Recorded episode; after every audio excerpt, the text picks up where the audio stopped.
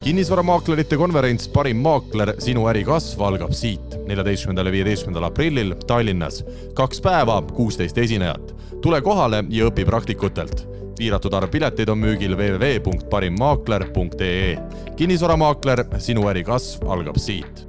ja Kinnisvarajutud podcasti järjekordne osa on eetris meil on laud ilusti kaetud, kommid, küpsised, lumiorava vesi ja algisel kohvi ka. kas äh, algis liblik? Minu kaassaatejuht, liiga palju kohvi ei joo tere, ma üritan piirata jah, nii et aga ütleme nii, et kui üritan piirata, kogu aeg on uus tass sees. kui on pikk salvestuspäev, siis, siis lisaks lumiorava veele vahepeal väike lonks kohvi ka. mulle, ma isegi ei joo kohvi tegelikult mitte nii väga võib-olla selle toime pärast, et vaid selle maitse pärast. aa, sa oled nagu gurmaan. jah, et mõnikord ütlen isegi, et oh, nii hea kohv oli, et jube hea uni tuleb. just, ja ilmselt siis sellepärast Algis Liblik kogu aeg nii terav ongi. absoluutselt jah, minu nimi Siim Semiskar endiselt ja mina kohvi ei joo aga tegelikult on meil selline huvitav äh, saade täna välja mõeldud, et me oleme teinud või tähendab rääkinud hästi tihti maakleritest. põhimõtteliselt igas osas praktiliselt äh, Va. vajun ma laua alla vajud sina, sina häbist laua alla, et mis sinu kolleegid kõik äh, turu peal toimetanud on. me oleme teinud ühe põhiosa konkreetselt ka maakleritest selliselt, et mina, mina nii-öelda paugutasin kaks maaklerit põhimõtteliselt augu, auguliseks ja nemad siis üritasid kaitsta, oli see nii? Martin Vendla Uusmaast käis meil külas. just, see oli päris ammu juba. see oli päris ammu, et huvi nii-öelda fakti huvides võiks vaadata korra, mis see saate number oli, et ja. kes tahab. niikaua kui, niikaua kui algis guugeldab, siis tolles saates olin mina üksinda, ehk siis üks kahe vastu nüüd algis vaatas, et tookord hakkama ei saanud hästi, tõi ühe mehe juurde, nüüd on üks kolme vastu. saade kolmkümmend viis oli see. saade kolmkümmend, see oli tõesti ammu, peaaegu sada episoodi tagasi ja nagu Algis ütles või nagu mina ütlesin ja Algis tegi, ehk siis nüüd meil on kolm maaklerit pluss üks Siim laua taga. jah, noh, kuna sa oled nii palju ülbemaks ja julgemaks läinud vahepeal, siis ma lihtsalt pidin natukene tagalat kindlustama rohkem. ja, ja lisaks Algisele on meil siis veel kaks One Estate kinnisvaramaaklerit täna laua taga, Aimar Läänaru ja Gerd-Kristjan Laul. tere, mehed! tere, Siim ja tere, Algis! tervist minu poolt ka! tšau! Algis räägib siis, et eh, mis mehed sa meil eh, siia ülekuulamisele tõid? ja ma võib-olla räägin sellest taustast üldse, et, et kuna lihtsalt eh, maakleri maakleritööst on tõesti meil palju juttu olnud ja, ja noh, ma ütleks ikkagi nii, et, et on olnud selliseid kohti, kus, kus tümitatakse kõvasti, aga õnneks on ka neid olnud, kes ikkagi nii-öelda ütlevad, et turul on ka nagu häid maaklerid olemas ja, ja täna äh, mehed, kes, kes meiega koos laua taga on, äh, on siis, äh, Aimar on kauem olnud meie ettevõttes, Gerd-Kristjan natukene vähem, aga, aga lihtsalt äh, Siimu, Siimuga arutasime, et, et võiks võib-olla natukene rohkem avada kaarte maakleri töö kohta lihtsalt ja, ja võib-olla just sellest vaatevinklist, et millised on siis reeglina need nii-öelda väljastpoolt, kuidas see maakleri töö paistab. Ja siis, kui nüüd inimesed on ise seda tööd teinud siin natukene rohkem või natukene vähem, et mi, kuidas see nii-öelda e ootused versus äh, reality siis, et kui, kui suur see erinevus on. Ja, ja sellepärast need kaks meest sai võetud, et et äh, ma arvan, et tegemist on väga heade maakleritega, et muidu nad meie ettevõttes ei oleks ka, on ju nii et, et, et siis ja noh, mina võin siin ju targutada, aga tegelikult on äge kuulata, kui, kui teised mehed räägivad. ja, ja mingi hetk kindlasti ma kasutan võimalust ja kuna aastatega on kogunenud erinevaid nii-öelda hulle olukordi ka, mida me siin erinevates osades oleme lahanud, siis ma panen sinu ka ikkagi ülekuulatava pinki ja kolmekesi saate siis, saate siis rääkida, kuidas mingeid asju, mis on väga valesti läinud, oleks pidanud lahendama. aga hakkame otsast minema, Algis mina hakkan küsima mina, mina pidin ülekuulatava rollis olema teistega mina hakkan küsima. esiteks siis, äh, millega, ma siis ei küsi algiselt, ma küsin teilt, et millega te enne, enne tegelesite, kui te maakleriks äh, otsustasite hakata? Äh, mina olen päris noor iseenesest, ei ole veel äh, vana, vana, vana inimene ei ole. mille, millele sa vihjad, et me oleme siin enam-vähem aga... ülejäänud kolm on enam-vähem sama masti mehed, on ju, et aga... siin peab sõnade valikul väga ettevaatlik olema aga natuke tööd on tehtud, et ennist olen töötanud kunagi Škoda laagris äh,. miks ma seal töötasin äh,? Äh, seetõttu, et õppisin kunagi autotehnikuks, äh, sain üsna pea aru, et see ikkagi ei ole päris see, kus ma tahan olla ja kus töötada. ma just tahtsin kiita, kas kuldsete kätega mees? Äh, mitte ainult kuldsete kätega palju muuga ka aga, aga see selleks, et, et ma sain üks hetk aru, et see ei ole ikkagi päris mulle. ja, ja siis äh, mõtlesin, vaatasin turul ringi siis tuli üks sõbranna, kes ütles, et ta tahaks maakleriks hakata ta oli otsinud välja büroo, kus, kus siis tal oli endal siis sõber olnud büroos, kes siis juba tege-, tegeles maaklerina ja siis kutsus ka mind sinna, rääkisin läbi äh, selle omanikuga ja justkui alustasin ka siis koostööd siis äh, Caanoni kinni, kinnisvarabürooga aga sinna ma kauaks ei jäänud äh, seetõttu, et äh, lihtsalt minu juhtimisstiil, mis mina arvasin, kuidas peaks ettevõtet juhtima ja kuidas äh, juhtisid need inimesed, läksid lihtsalt eri, eri teed, mitte midagi halvaks panna ega mitte midagi selle koha pealt, aga lihtsalt äh, minu nägemus sellest oli teine. ja siis sa tulid Algis Libliku juurde või äh, ei veel. ei veel, veel, jah. siis ma läksin narkovarasse, kus, äh, kus ma sain väga hea koolituse, jällegi väga ägeda tiimiga töötasime koos. just nimelt, miks mina sealt ära tulin, kindlasti tekib küsimus ma tundsin, et ma töötasin ennast üle ja üks hetk nagu põlesin läbi ja siis ma võtsin aja maha enda jaoks ja mõtlesin, kas see maakleritöö on ikka päris mulle ja mida ma üldse nagu elus edasi tahan teha, on ju. kuigi seal Arko varas nagu tuli objekte sisse ja läks hästi, kiita sain palju klientidelt, et selle koha pealt nagu viriseda ei saa.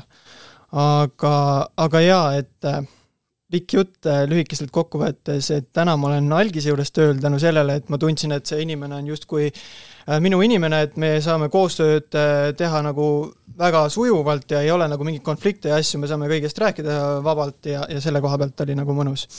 aga, aga see on jah, just minu nagu justkui selline lühike lugu okei okay,, Gert-Kristjan rääkis oma loo ära, ma siin kuulajatele ütlen ka, et Aimar on siis nii-öelda sügavama häälega, et nad hakkavad siin duelleerima algisega, et need, kes autos kuulavad, siis võib-olla pool saadet on niisugune mõminaräpp nagu meil, nagu meil tavaks on. väga hea. on nii? Nii jah, küsimus jääb samaks jah? küsimus on sama jah aitäh, et äh, minu taust on tegelikult selles mõttes äh, kinnisvarapõhine. et äh, ma käisin koolis äh, nüüd siin äh, Tallinnas äh,, Tallinna Tehnikakõrgkoolis, õppisin hoonete ehitust. lõpetasin selle cum laude'ga, aga praktika käigus suunati mind siis tegelikult äh,, siis kõige tublimalt, nendele anti kõige paremad platsid. nii et mind suunati tegelikult siis sinna Swiss, Swiss hotelli taha äh, kaksiktornide objektile ja ma olin seal objekti insener, nii et see oli meeletu suur platsikogemus. sel hetkel äh, ma lõpetasin selle objekti äh,, objekti insenerist kohe projektijuhi KT-na, nii et kohusetäitjana. nii et sealt see alguse sai, nii et ma sain nagu ehitusega, öeldakse siis sina peale äh,. siis otsustati meie nii-öelda ema või üldse emafirma otsustas, et paneb Eesti kontori kinni. ja tegelikult siis äh, sattusin ma tegelikult kaks tuhat kümme Töötukassasse. sest et mul oli pangalaen, nagu ikka keskmisel eestlasel, aga Töötukassas olles tuli mulle telefonikõne, sest et jutud liikusid, et kuule, sa oled vaba. ja siis tegelikult äh, mulle öeldi, et kuule, see mees tuleb turult ära noppida ja siis niisugune ventilatsioonifirma pakkus mulle tööd, aga siis ma ütlesin talle ära, et, et ei, ma ikka Soome ei taha, on ju. ja siis tegelikult ütles, et oota, mul on tuttav Merkos. ja läks mõned päevad mööda ja ma käisin vestlusel kaks tuhat kümme, öeldi seal vestlusel mulle muidugi ära, et, et, et kohe mul pole midagi pakkuda. aga läksid jällegi taas paar päeva mööda ja mul tuli kõne, et no nüüd on, et ole hea, tule ruttu. tehti ümberkorraldused kohe või? ja tegelikult oli seal ühele mehele, projektijuhile anti siis tegelikult järgmine objekt kätte ja mulle anti siis, usaldati nii-öelda järgmine, et ma olen Merkos siis töötasin äh, kuni kaks tuhat kakskümmend üks äh, oktoobrini, nii et üksteist aastat isegi päris suur suur äh, hunnik aastaid ja kogemusi, et äh, minu, minu käe all valmisid siis äh, Tallinna Tehnikaülikooli tudengimaja rekk. pärast seda oli Rahvusraamatu fassaadid ja tehnosüsteemide hange. siis ma ehitasin ise või juhtisin, nii-öelda koordineerisin Peetri Selveri ehitust. üks lao- ja tootmishoone jääb vahele. siis ma olin kolm aastat olin T1 peal, nii et ma olin seal teiste projektijuhtidega koos. seal ma olin rohkem nagu tegelikult juba projekteerimistööde projektijuht, et kuna seal oli kolm projektijuhti, üks oli siis peaprojektijuht, kes rohkem tellijaga suhtles, mina olin seal projekteerimise peal ja siis üks tegeles siis puhtalt nagu hangetega, et objekt oli nii suur. ja pärast seda mm, sattusin ma siiasamasse Mubasse, et siis olin see muusika- ja balletikooli objektile. aga noh, see kõik on meeletu kogemus, samas ma tundsin, et minu potentsiaal on midagi muud. ja kogu aeg tahtsin nagu teha teha midagi muud, aga mis see oli, seda ma ei mõelnud välja.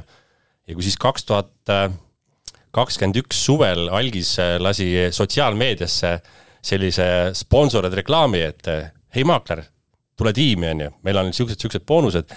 tegelikult äh, vaatasin meilist järgi, jah, juunis ma juba talle kirjutasin ja lihtsalt äh, saime sügisel kokku, arutasime ja sealt see protsess käima läks, nii et ütleme, tänased sellised, äh, ma arvan, ehitustaustaga minu, minu töökogemus, ma arvan, tuleb pigem selles erialas täna kasuks ma isegi mäletan, see reklaami üleskutse oli vist midagi, et tule muudame koos tulevikku või, või mingi Täpselt. selline, mingi selline sõnum. eriti lennukas. no vot, et ja, ja noh, siis kõrge lennuga äh, mees haaras sellest kinni, et äh, tegelikult ma ütlen isegi nii, et Aimar on jah nüüd ju poolteist aastat saab, on ju, oleme koostööd teinud, et äh, et mulle isegi täna tundub, et natukene kahju, oleme arutanud ka seda, et ei ole tegelikult täna suutnud või, või leidnud nagu nii palju võib-olla nagu rakendust või seda väljundit, et tegelikult sellise kogemuste pagasiga mees on nagu meeskonnas olemas. et noh, investoritega töötades, et et kuidagi seda nagu ära kasutada, aga äh, heas mõttes siis, aga noh, Aimar ise on ka öelnud, et võib-olla ka ei ole vaja, et, äh, et nagu võib-olla, võib-olla nagu ei tahagi, et äh, ma ei tea, kuidas sa ise seda? ja et ma ei pressi ka takka, et tuleb see, mis tulema peab ja et praegu on niisugune minu jaoks nagu sisseelamine ja samas ka selle vundamendi ladumine, et äh, noh, ehitajana ma räägin vundamendist, aga aga, aga see tundub selles mõttes praegu õige, et ma saan äh, sellest maakleri Äh, business'ist õigesti siis aru, et mis tegema peab ja õpin seda praegu. no aga minu küsimus, võib-olla see ei haaku nii otseselt teemaga, aga sa olid ikkagi oma karjääris nii sisse töötanud ennast äh,, liikusid justkui karjääriredelil siis äh, nii-öelda järjest edasi ja siis muudad täiesti oma seda valdkonda, et esiteks, kust see julgus tuleb ja, ja kas see põhjus oligi selles, et sa ei tundnud ennast võib-olla seal kõige mugavamalt siis? ta, tahad ausat, ausat vastust? no sellepärast ma küsisin et äh, seal kõrval käib äh, isiklik nii-öelda vaimne areng ka, et sa hakkad aru saama, et, et äh, raha ei ole ainult see, mida sa pead taga ajama. ja, ja tahad rohkem vabadust ja käies sellistel äh, huvitavatel koosviibimistel, kus ainult mehed kokku saavad, nimetame neid siis meestekateks, siis seal tekkis sisemine kutse sõnastada enda siis täpne soov kõvasti välja universumile kaks kuud hiljem see täitus, et selles mõttes ma tundsin, et see stress ja pinge, mis mul oli kogu aeg selle tööga seoses, siis kaheksast viieni ja, ja noh, ma tundsin, ma tahan midagi muud teha ja, ja täna ma olen siin. ma ei kahetse seda otsust. Noh, maakleri töö suur võlu ja, ja valu tihtipeale on ka see ajaline vabadus ju, et, et noh, kaks peamist põhjust, miks inimesed maakleri elukutse valivad. üks on ajaline vabadus, keegi ei küsi, millal sa tuled, millal sa lähed, sa oled ettevõtja ja teine on see rahaline nii-öelda piiramatu potentsiaal on ju, need kaks, kaks põhilist asja, aga noh, samas on see, et et, et see on nagu ettevõtjaks hakkamine ja ettevõtjaks nii-öelda hakkamisel on hoopis teistsugune vastutus ja, ja võib-olla teistsugune stress ja pinge peal. Et ma ei tea, Aimar, kuidas, kuidas sul sellega nagu see ümberkohanemine on läinud, et et, et nagu kaks täiesti erinevat asja, kuigi sul oli ettevõtluskogemus juba tegelikult ju selleks ajaks olemas. jaa, et ma ütleme juba proovisin kätt äh, ühe e-poega, tänaseks viis aastat olen seda teinud. see on meestele suunatud nii-öelda aksessuaaride ja igasuguste muude e-pood. et äh, seal oli selline ettevõtluskogemus olemas. eks ta, ütleme ausalt, et oli väga raske teha see otsus, sest et sa lõikad läbi tegelikult ju selle kindla jalgealuse või põletad sillad ja sa tegelikult ei saa enam päevapealt täpselt seda summat äh, palgana kätte arvele. ja sul on pangalaenud, liisingud, et see kõik tegelikult äh, hoidiski mind nii kaua tagasi. aga kui sa selle otsuse ära teed, siis tegelikult, siis hakkas asi juhtuma ja õnneks oli mul piisavalt rasva kogutud arveldusarvel, et ma elasin alguses jälle raske aja üle ja, ja elasin ennast sisse nii-öelda. aga tuleme, Gerd-Kristjan, sinu juurde, et kui sa otsustasid, et sa pöördud nii-öelda kinnisvara ja maakleri töö juurde, siis mis äh, arvamus sinul äh, maakleritest kujunenud oli, kui palju sa esiteks maakleritega olid varasemalt kokku puutunud ja olid mingid väärarusaamad ka, mis äh, nii-öelda praeguseks on ümber lükatud? Äh, kui ma maaklerina alustasin, siis või üldse nagu jutule läksin, siis ma arvasin kohe, et kullamäed hakkavad jooksma ja raha tuleb ustest ja akendest sisse. Äh, paraku see üsna karm reaalsus see, et see päris nii ei ole, et väga-väga palju tööd on vaja teha selle jaoks üldse, et et sa saaksid endale kliente, et neid kliente hoida ja, ja et nendega edaspidi ka koostööd teha. Äh, sinu küsimus oli mulle nimelt, äkki sa kordad korra, Siim? Ja no, sa juba tegelikult vastasid sellele küsimusele okay. ära, aga ma mõtlesingi, see nii-öelda üks väärarusaam oli, et eh, noh, põhimõtteliselt eh, raha pritsib eh, money, ja uksest ja aknast sisse, aga oli veel nii-öelda tööga ka mingid asjad, et sa arvasid, et see töö on selline, aga oli hoopis, hoopis teistsugune või midagi, mida oskad praegu välja tuua? ma võin välja tuua praegu selle, mis oli huvitav, on see, et kui ma alustasin maaklerit, ma olin hästi introvertne inimene, ma kartsin inimestega suhelda, võõraste inimestega. tänaseks on see täiesti teise pöörde võtnud, et ma olen rohkem nagu inimene, kes, kellele meeldib suhelda teiste inimestega ja kes tahaks rohkem inimeste keskel olla, et, et see on huvitav, mis on nagu juurde andnud. aga jällegi ma ei vastanud su küsimusele ja ma tõin kuskilt jälle mingi oma mõtte sisse. nii ongi kõige parem. poliitiku karjäär terendab siit, on ju? okei aga Aimar, sama küsimus, et äh, sina tegid selle nii-öelda švitsi või muutuse üsna vanas eas tahtsin öelda. tegelikult siis, jah, tegelikult tahtsin öelda, et siis vanemana kui Gerd-Kristjan, et sul oli ikkagi mingi karjäär, kus sa ära tulid, nagu me rääkisime mm. -hmm. aga kui palju sa olid selleks hetkeks maakleritega kokku puutunud, kui palju sul olid mingid arusaamad sellest ametist, mis siis lõpuks võib-olla siis üldse tõele ei vastanud? mul oli kokkupuude äh, linnakorteris, kus me elasime Tallinnas mingi peaaegu viis aastat et seda ma üritasin ka äh, ise müüa. ja siis helistas üks äh,, üks suur, suure büroo äh, nii-öelda maakler, tervitused Liisale, kes täna töötab hindajana. ja, ja tema tegelikult pakkus ühe korra, et ta saab aidata, hästi viisakas ja siis, kui ta helistas mulle mõne aja pärast tagasi, siis ma tundsin, et okei okay,, aga mina ju ei kaota raha, et tegelikult maakler paneb selle summa otsa ja ostja maksab kinni. ja tegelikult ma olin nõus, tegi oma fotod, pani kuulutuse üles ja tegelikult müüs, müüs ka korteri ära, nii et äh, suht ruttu saime, saime nagu ostja. et äh, see näitas mulle nagu sel hetkel, et äh, tegelikult maakleri abi kasutamine on pigem positiivne. sest et seal on omad nõksud ja, ja, ja asjad, mida ma sel hetkel muidugi ei teadnud. et ütleme nii, et mul oli, ma olen talle praegu siiamaani tänulik ja kui ma siia nii-öelda siis ametipostile või, või positsioonile astusin, siis tegelikkus on hoopis midagi muud et äh, töö käib ju tagatubades, et see, see, mida, mida kõik peab ära tegema selleks, et üks objekt kas siis äh, välja üürida või, või ostja leida või, või vastupidi, et investoritele sobiv äh, objekt, et kõik see nõuab tegelikult neid väikeseid samme ja tegevusi, mis tegelikult ei paista välja. ja, ja see, see eeldus oli ju lihtne, et ah, mis ikka, panen kuulutuse kokku, tekstid valmis, lisan üles ja lihtne on ju aga tegelikult seal on, on neid äh, kõrvaltegevusi hästi palju, nii et äh, reaalsus on tegelikult midagi muud, kui ma alguses arvasin. Okei okay,, lähme edasi, mis on kõige keerulisem olnud äh, maaklerina, kas siis alustamise juures või siis üldse kogu selle tegevuse juures, et mis, mis see põhi, põhitõke on, mis on vaja ületada, ma saan aru, Gerd Kristjanil oli kõigepealt vaja suhtlema õppida jaa, täpselt nii, et, et mis minul nagu kõige raskem oli, oligi pigem see külmade kõnede tegemine. et äh, seda on vaja õppida, seda on vaja osata, sa pea-, see, jällegi, kui inimene iseenda sees on rahulolematu või justkui selline äh,, ta ei ole nagu selline in,, iga inimene, teine inimene tunneb ära, kui ruumis on selline arglik või ebalev või kuidagi selline kartlik inimene või, või ta räägib liiga kiiresti või mis iganes, ta tunneb selle ära ja siis see inimene nagu justkui tunneb, et see ei ole nagu professionaal või ta ei ole väga hea suhtleja ja miks ma peaksin sellise inimesega koostööd tegema. et üks asi on hääletoon, mis, millega sa inimesega räägid ja teine on see, mis küsimusi sa küsid inimeselt.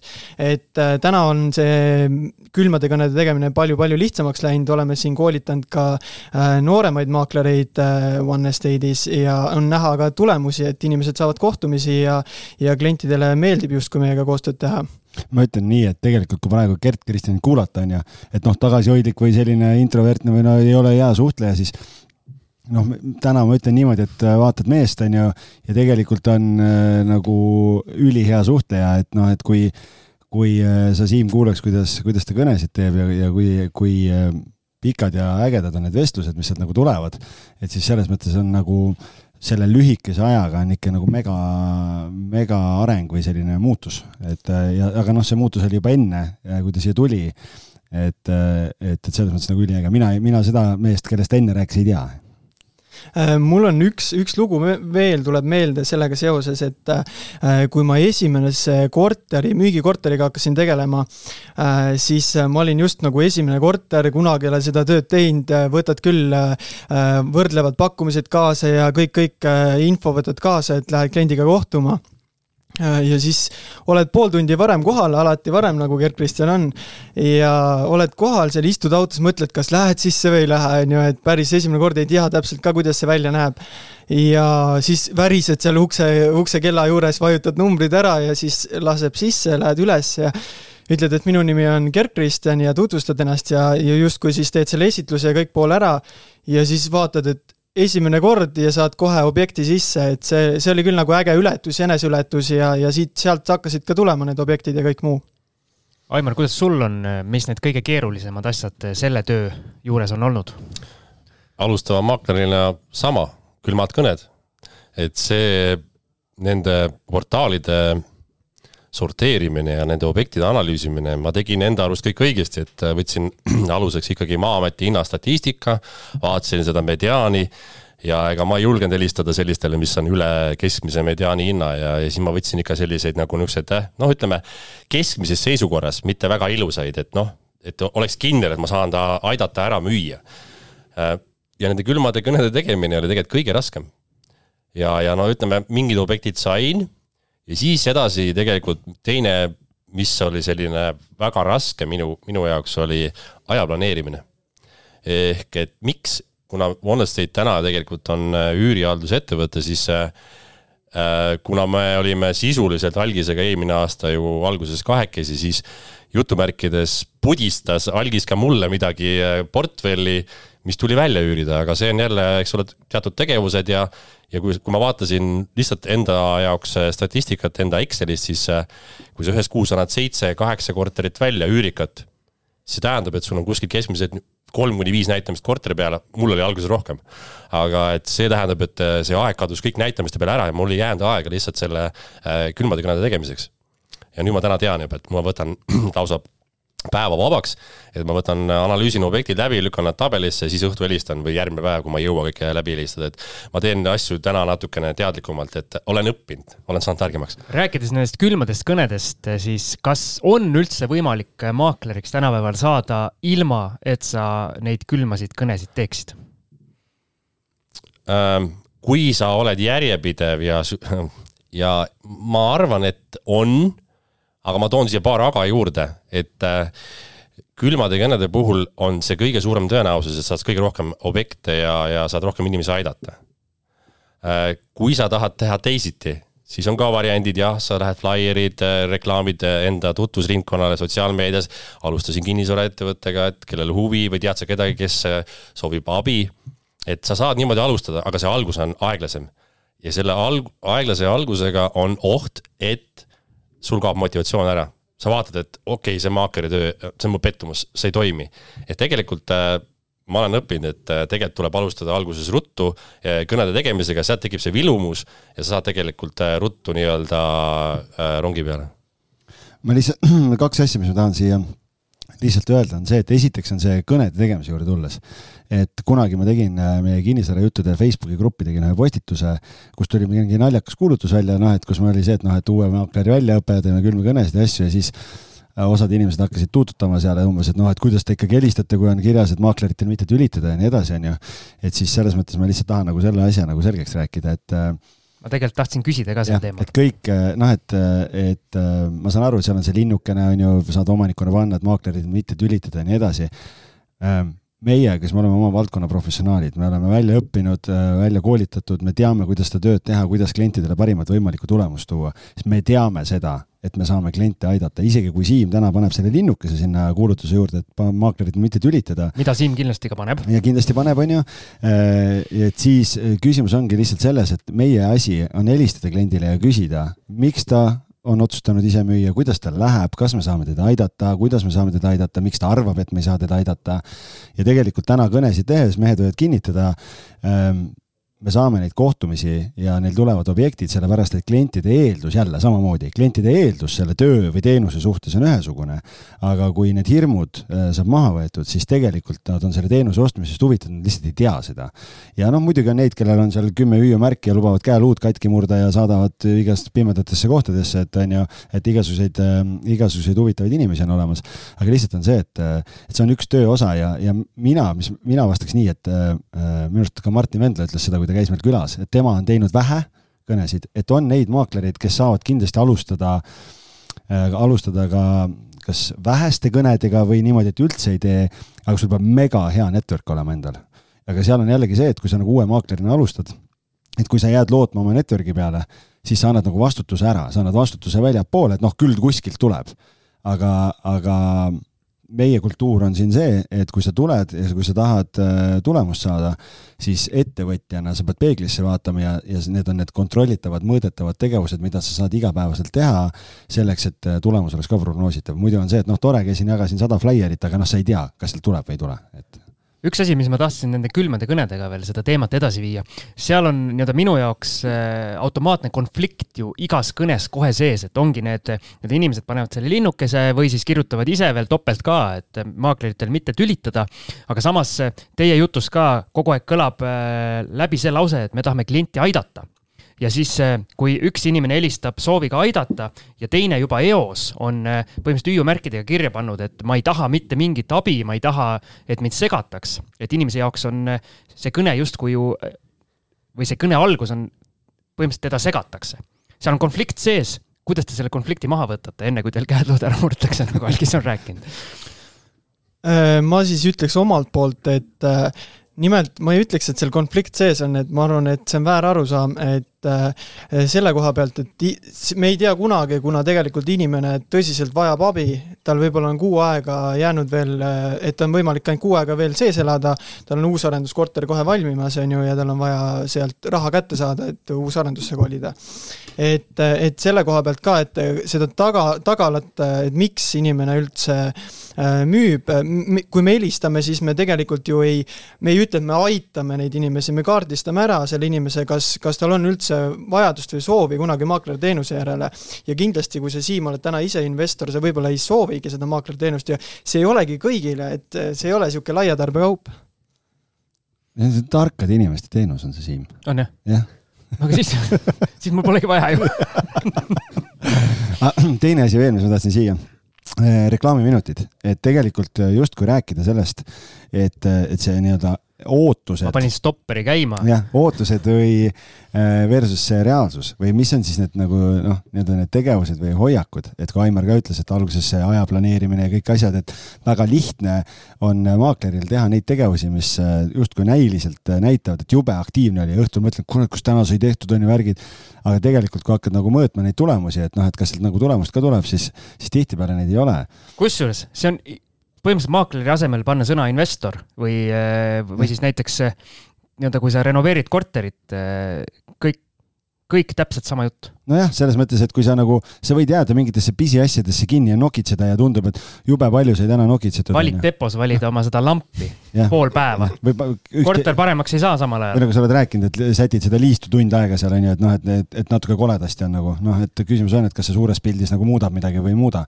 et, et samamoodi tegelikult sellepärast ongi see neliteist, viisteist aprill äh, kinnisvaramaaklerite konverents, äh, mida me korraldame, ongi just sellepärast nagu see on mõeldud nii nendele inimestele, kes on nagu, nagu mõelnud, et, et tahaks maakleriks hakata, aga ma päris täpselt ei tea, mis on need tegevused või, või mida siis peaks nagu, mis on need õiged asjad, mida peaks nagu tegema et sellepärast ongi nagu kaks päeva, esimene päev on need hoiakud, kuidas aega planeerida, kuidas fookust hoida, kuidas eesmärke seada, kuidas tuttavate käest soovitusi küsida.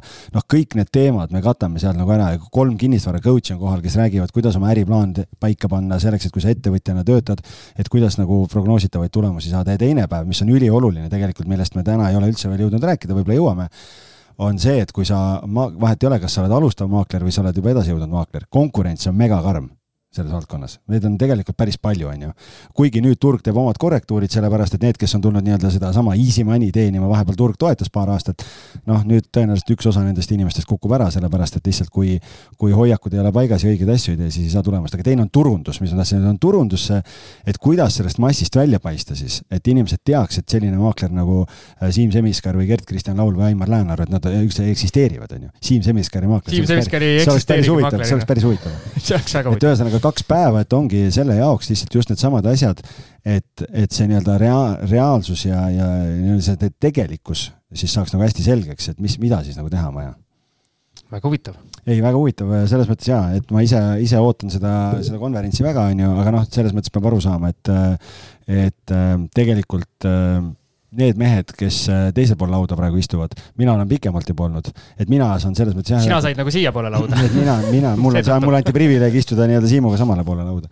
et tegelikult on, äh, et mina ka ei pea enam kõnesid tegema, sellepärast et lihtsalt see aastatega, see ongi pika vinnaga äri kus sa ehitad, nagu Aimar ütles, seda vundamenti üles ja lood oma kliendibaasi, sul hakkavad korduvad kliendid tulema, keegi soovitab juba ja sealt hakkab see lumepall hakkab veerema, aga küsimus ongi selles, et see esimesed neli kuni kuus kuud määrab ära, kas see vundament üldse saab püsti või, või jääb kuskil nagu pooleli, et ma küsiks järgmisena, mis on peamised isikuomadused, mis maakleril kas siis peavad olema või, või mis tulevad kasuks?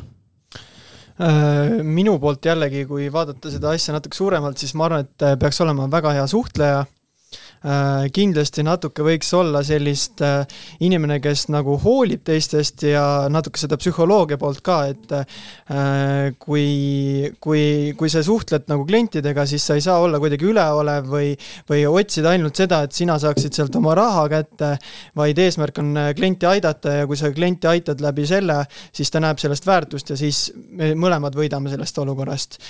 mis veel, kindlasti on inimene, kes peaks nagu ise soovima ka areneda, et ei ole selline kinnise mõtteviisiga inimene, kes on, mina olen nelikümmend aastat ära elanud ja mina rohkem midagi rohkem õppida ei taha.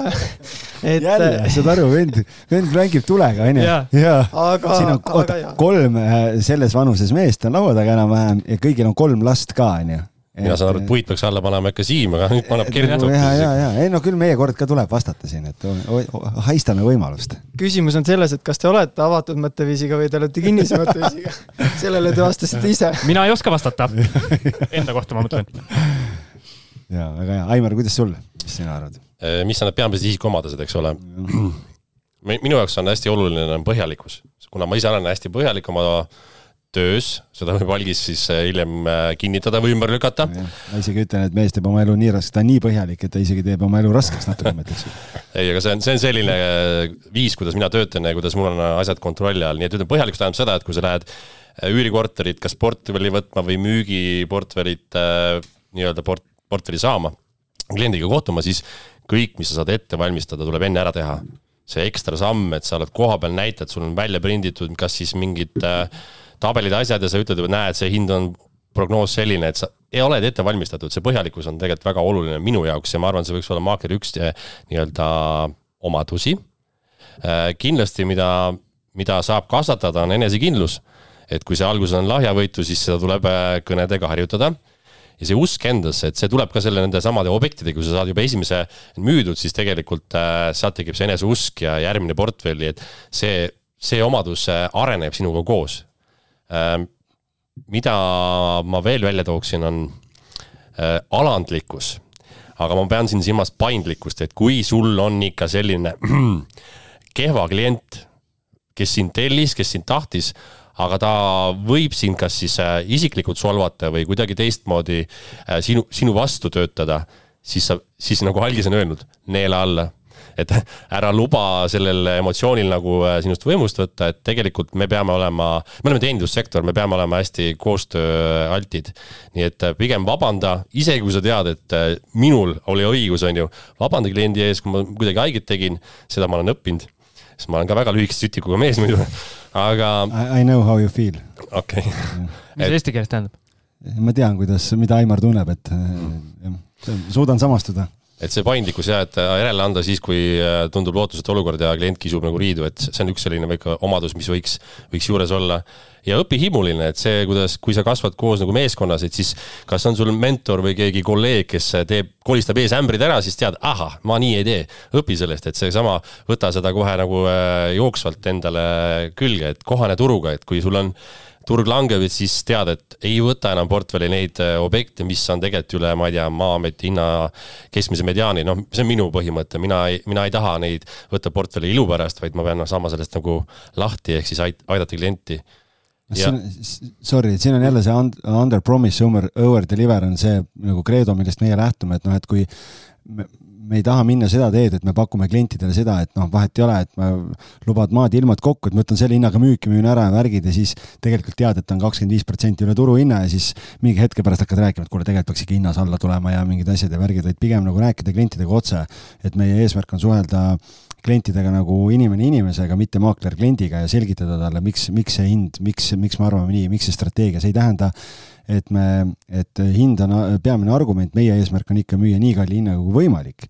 aga lihtsalt on jah, selles mõttes, et jälle et kui mingi maakler kuhjab endale objekte sisse, on ju, yes, kümme objekti on ju, kõik on kakskümmend protsenti üle turuhinna, siis see on jälle nagu enesepettus, et äh, oled aktiivne, aga tegelikult tulemust ei tule, on ju, sealt tekib stress ja rahulolematus ja kõik asjad, see pinge. aga ma tuleks selle põhjalikkuse juurde tagasi, et selles mõttes on see üli, ülioluline punkt ja see hea suhtlemise oskus ka, et need on tegelikult nagu kaks väga olulist kriteeriumit äh, selle ja, ja mul on ülihea meel, sellepärast et äh, tegelikult kliendid nagu hindavad ka ja märkavad seda, sellepärast et Aimar on üks kümnest või, või ma ei tea, kui palju neid maaklereid oli, kümnest äh, maaklerist, kes siis äh, City kahekümne neljalt sai aastatähe tiitli eelmise aasta eest. et, et ja seal on need kriteeriumid, kuna see baseerub klientide tagasisidel, mida nad City kahekümne nelja vahendusel annavad, siis see näitab seda kvaliteedimärki ja, ja, ja see põhjalikkus ja, ja hea suhtlemisoskus kindlasti tulevad kasuks hakkab ise uskuma, et teen asju õigesti, et äh, siis, kui see auhind üle anti, et siis tõesti, siis oli sel hetkel taipamine, et noh, mina ju ei valinud ennast, et see on ikkagi see klient, kes minuni jõudis, pöördus või, või minuga diili tegi, keda mina sain aidata, et siis äh, tema andis ju tagasiside kirjaliku ja, ja võis sinna vabalt panna hoopis negatiivse kommentaari või kehva hinde, on ju, aga aga näe, läks teistpidi ja me ei teadnud midagi sellest, et Aimar selle tiitli sai, et mees käis siin äh, kivi näoga ringi ja mitte midagi ei rääkinud kuni sinnamaani, siis kui City kakskümmend neli selle nagu välja hõikas alles. ja, et see oli jõulude ajal, kui helistati enne jõule, et, et, et näe, hoidke siis palun saladuses, et äh, sihuke värk tuleb ja te olete välja valitud. ma ütlesin okei okay., no ma siis hoidsin täiega saladuses, kellegi ei rääkinud, kui seal vastuvõtul ära käisin, siis tekkis äh, algis, kas, kas sina mõnda oma suurt tiitlivõitu ka seni saladuses hoiad või sul lihtsalt ei ole millestki rääkida? mul on nii palju neid, et ma ei julge välja tuua tegelikult, ei ma ikka kade, kadedusega, kadedusega, et, et mõtlesin, et aga ei, mul on tegelikult hea meel ja tähistasime ka natuke nii, et see on kõige parem, kõige parem osa. okei okay,, aga nüüd on eh, mehed teil vaja teha väike sisekaemuse moment ja öelda enda kohta, mis on teie kõige, enda arvates siis kõige tugevam külg ja kõige nõrgem külg just eh, nii-öelda, mis eh, seostub maakleri tööga ja alustame algisest. ohoh, et äh, ma arvan, mina enda tugevuseks pean äh, suhtlemist, et äh, ma saan inimestega suhteliselt kergesti jutule ja, ja ma olen niisugune kameeleon, et ma suudan nagu kohaneda, et äh, erinevate inimtüüpidega, et ma arvan, et see on, see on minu tugevus. Ja minu nõrkus äh, siis vastukaaluks Aimarile on selline, ma ei, ma ei ütle, et, et ma ei ole põhjalik, aga mul, äh, minu nõrkus on äh, ma ei ole väga süsteemne inimene, ma olen niisugune emotsionaalne on the go kogu aeg selline, äh, selline inimene, et ma ei ole väga selline, ähm, hakkan mingeid Excelid asju tegema, siis mul jääb kuskil pooleli ja mingi teine asi tuleb sisse, noh, mingid asjad, et ma, et, et see pool nagu see, see süstemaatilisus on see, mida mina kindlasti pean nagu parandama. sa saad õppida ju.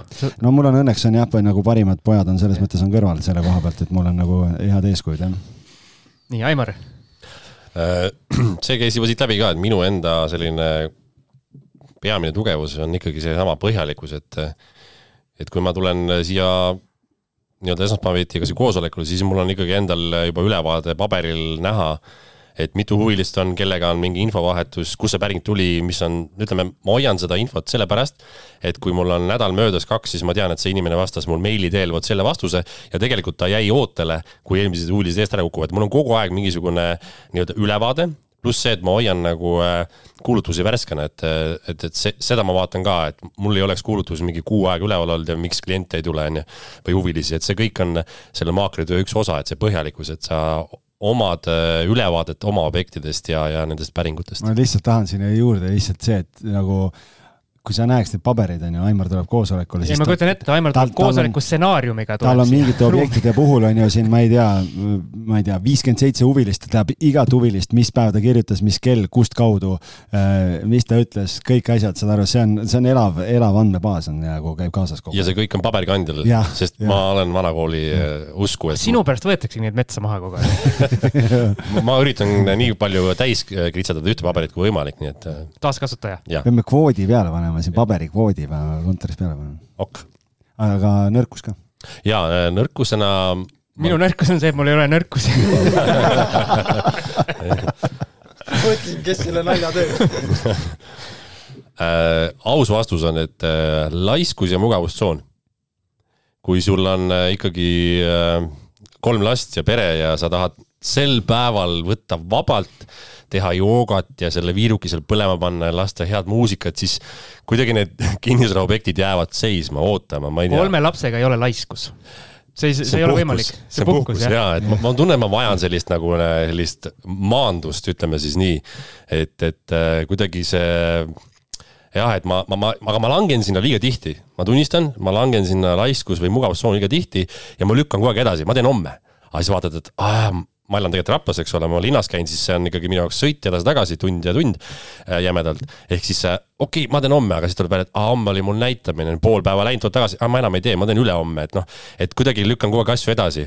et aga, aga ma olen saanud jälle seal ka tublimaks, et kuidagi võtan ennast kätte ja siin oligi eelmine nädal, lihtsalt neljapäeval istusin terve päeva arvutis ja leidsin endale üle kümne objekti, kuhu helistada ja, ja paar, paar pakkumist ka juba, nii et äh, teen edusamme kusjuures mulle tundub, et kui sa siis nii põhjalik ei oleks ja oma asju kirja ei paneks, siis sul ikkagi korralikult lappaks ja ma ei saa aru, kuidas teistel ei lappa, et kui, kui algisel on neid ütleme siis ühikuid portfellis rohkem müüke ja üüre, et siis siis vahest ma vaatan, et nelikümmend viis lugemata meili, et ma küsin ikka, kas kõik on hästi, et. kõik on loetud, lihtsalt küsimus on selles, et millal sa vastad neile hästi, siis jah, okei okay,, mul on. algis, algis mulle näiteks ei vasta kunagi, ükskõik mis meediumi ma kasutan. aga see ongi, prioriteedid peavad paigas olema elus. okei okay., siis mulle, mulle isiklikult äh, isegi ei tohi meilis olla ühtegi lugemata meili. sest ma, siis ma tean, et see on mingi tegevus, mis on vaja teha, ma üritan jooksu pealt, kui mul ei ole isegi linnas arvutit kaasas, siis ma võtan äh, telefoni, siis ma pean selle kirja ära vastama, sest et siis on tema kord vastata. ma olen samasugune pedant. tuletõrje depoo või? aga mul on abikaasa selline, ma vaatan ka üle kahesaja lugemata meili, ma hulluks läheb jah ja Gerd-Kristjani kordan, et mis on minu tugevused. võtsid üle? et äh, minu tugevus on kindlasti see, et ma olen nagu hea suhtleja, ma täna võin seda öelda, eks äh,. teine asi on see, et äh, analüütiline inimene, et, äh, et kui ma teen ka kõnesid, siis ma analüüsin seda, mida see inimene räägib, et tavapäraselt inimene võib öelda, et tal on väga palju aega selle korteri müügiga ja, ja et, et tal ei ole, et tal ei ole huvi siis maaklerite vastu aga, aga kui sa räägid inimesega edasi, siis järjepidevalt räägid edasi, küsid küsimusi, siis ta üks hetk saab aru, et tegelikult äh, see on võib-olla lihtsalt mingi algne mõte, et miks ta nagu maaklerite vastu on, tegelikult äh, ta oleks täiesti valmis koostööd tegema. et, et pigem ongi need kaks asja, et üks tugevus ongi hea suhtleja, teine on see analüütilisus, vot. nõrkused nõrkustega on nii, et neid otsi, otsida ei ole mõtet, et nõrk, nõrkusi on meil kõigil kindlasti, on ju, aga ma arvan, pigem ongi see aja juhtimine, et seda saab kindlasti paremaks teha. ja, ja üleüldse ma arvan, et ma ei paneks nagu mingit piiri ette endale, et tahaks ikkagi kasvada ja tahaks ikka jõuda kaugele inimesena, et mitte ainult materiaalses mõttes, aga ka vaimselt, et et jaa, see on minu, minu mõte aga enne kui me läheme pausile, ma küsin äh, sellega kaasneva küsimuse, et mis teie arvate vastavalt oma e-, elukogemuse pealt, et äh, kas on äh, kasulikum nii-öelda parandada veel oma tugevusi või aidata siis järele oma nõrkusi? Sa küsid praegu nende neljakümneste käest või sa küsid selle noorema kolleegi? no alustame nooremast seekord siis no, El. elukogemusest rääkisime, seda mõtlesin. see on nagu see kana-muna efekt või, või et see on väga nagu väga hea küsimus selle koha pealt no,. mul ainult head küsimused ongi et, et ma mõtlen praegu selle koha pealt, et kui sa arendad ainult oma tugevusi, on ju, ja, ja need nõrkused jäävad nii palju maha ja see nõrkus on näiteks suhtlemisoskus, et mina olen täna hästi selle usku, et iga järgnev inimene, kellega sa suhtled, võib olla väga-väga hea kontakt sul elus, sõber või mis iganes, üks, üks samm edasi kuhugile, kas sinu karjääri poole pealt või, või üldse eluliselt saad endale kellegi väga ägeda inimese. ja kui see on nagu tohutult suur nõrkus sul elus, siis ma kahtlen arvama, et imelik oleks seda mitte nagu tugevamaks teha. Äh, aga ma usun ka väga palju inimeste tugevusse ja sellesse, et neid tugevusi on vaja arendada ja, ja ma näen seda, et igal inimesel, kui sa suhtled temaga, sa näed, et tema on mingis valdkonnas või mingi, mingi, mingis, mingid omadused on, kus ta on lihtsalt teistest tugevam. samamoodi nagu Siim, eks, ja samamoodi ka Algis, eks algis on ka või Siim on ka tugev kuskil? no kindlasti kahtlemata. ma ei ole veel seda kahe ja poole aasta jooksul tuvastanud. kusjuures ma ei ole ise ka veel aru saanud, et võibolla... see, kui see lõpuks välja koorub, meie kahesajandas osas võiks see välja kooruda yeah.. on selline olemas test nagu Gallup test, äh, kus sa saad teha ka enda tugevuste testi, tee see ära ja sealt võib tulla päris palju ägedat informatsiooni, mis sa vaatad, et tegelikult see ongi sinu elus niimoodi, et arvan, et Gallup kuule, see on jumala hea saade Gallup... juba, Algis, ma saan, ma saan tarkusi. Gallup jookseb kokku, kui sa hakkad seda testi tegema. ma saan tarkusi ise juurde yeah ei, päriselt, päriselt. ja tegelikult on ju erinevaid neid diske ja mingid erinevad sellised testid on, mida sa saad teha selleks, et saada aru, et millist, millist tüüpi inimene sa oled. ja, ja siis ongi see küsimus, et noh, et mis on su tugevused ja mis on su nõrkused. ja mina selle nõrkuse koha pealt lihtsalt arvan seda, et üks asi on see, et nagu järgi aidata, aga teine asi on võib-olla see, et sõltuvalt jälle, eh, kuidas sa mingitesse asjadesse suhtud, üks on nagu ise inimesena oma nõrkused, aga teine on nagu professionaalina ja siis on mingid asjad, et noh, kui sa ikkagi mingi asi ei tule välja, on ju, noh siis või, või kuidagi näed, et, et selle järeleaitamine võtab väga palju aega, siis alati on see küsimus, kas keegi teine saaks seda teha äh, minu eest, noh, kuidagi delegeerida või noh, ma ei tea, ähm, kui sa oled ühel hetkel, ma ei tea, väga edukas maakler, et sul on, ma ei tea, assistent on kõrval, kes, äh, kes teeb mingid asjad ära, milles, mis sul endal võib-olla võtavad nagu mega kaua aega või kuidagi tunned, et kurat, nagu üldse ei taha sellise asjaga tegeleda, et siis on küsimus, et noh, et kas sa pead nagu hambad ristis või noh, ma ise ütlen nagu sihuke higihais küljes sellega tegelema või sa öö, oled lahinguväljal ja tegeled nende, selles, milles on nagu väga tugev, on ju. et noh, et seal on alati see koht, et, et tuleb nagu enda jaoks nagu välja mõelda, kui, kui suur see, kui suur tükk see laual on nagu. Ja et eeskõnelejatega tuleb nõustuda, mina lähenen sellele küsimusele selline, kui tegemist on alustava maakleriga, siis tegelikult ja küsimus oli see, et kas arendada siis oma nõrkusi või tugevusi, siis ma lähenen sellele niimoodi, et kui selle alustava maakleri nõrkus on hirm külmade kõnede ees, siis tuleb seda nõrkust tegelikult just äh, nii-öelda pressida, arendada, sest et äh, see on ju see, mis tegelikult toob äh, kiiremini tulemust. kui nüüd selle alustava maakleri tugevus on vaba suhtlemine siis tema peaks oma tugevust jällegi lihvima veel, sest et sealt tuleb kiiresti algus. ehk sa saad ruttu nii-öelda jälle rongi peale, et, et see sõltub just sellest, nendest äh, tegevustest, et, äh, et kui sa tahad äh, hirmsasti inimestega suhelda rääkida, siis ole hea, anna minna. ja ei tohi ka muidugi neid nõrkusi ära unustada, aga ma, ma lähtun sellest, et tegemist on alustava maakleriga, et sa kiiremini saaksid ree peale siis ikkagi see kõned. noh, lihtsalt küsimus on selles, et jälle, et kas see nõrkus on nagu nii-öelda isiksuse Äh, nõrkus või see on mingi tehniline asi, noh, suvaline näide. et kui, kui sa oled nagu kõnede tegemises oled nagu kehv, siis see on selline tehniline oskus, mida saab aidata järgi, lihtsalt nagu sul on mahtu vaja, kogemust vaja, treeningut vaja, harjutad, harjutad, harjutad aga noh, tulles selle Aimari juurde jälle tagasi, kui sa ütlesid näiteks, et äh, ma ei tea, noh, laiskus või, või mis iganes, kuidas keegi seda nimetab. vaata, kui see on nagu selline nagu noh, loomu, loomu mingi asi või selline kuidagi nagu noh, et siis seda võib-olla ei ole nii lihtne järgi aidata, sest see nõuab mingit noh, ma ei tea, kas väga tugevat eesmärgistatust või mingit distsipliini või kuidagi noh, et see, see on, need on nagu erinevad asjad, et üks on nagu tehniline, teine on nagu sihuke loomuomane asi, et et nende järeleaitamine on ka jälle erinev ju aga nüüd teeme kõllipausi, mina siin valmistan ennast ette, puudeldan nina ära ja siis hakkan teile puid alla panema, mehed, teises osas. aga mida me vahepeal teeme, Algis? Ma arvan, et jälle lumiorava vesi aitab meil ette valmistada selleks, nii et, et võtame kõvasti magneesiumi ja, ja las see Siim siis vahutab siin. hästi, suu-, võtame suud vett täis.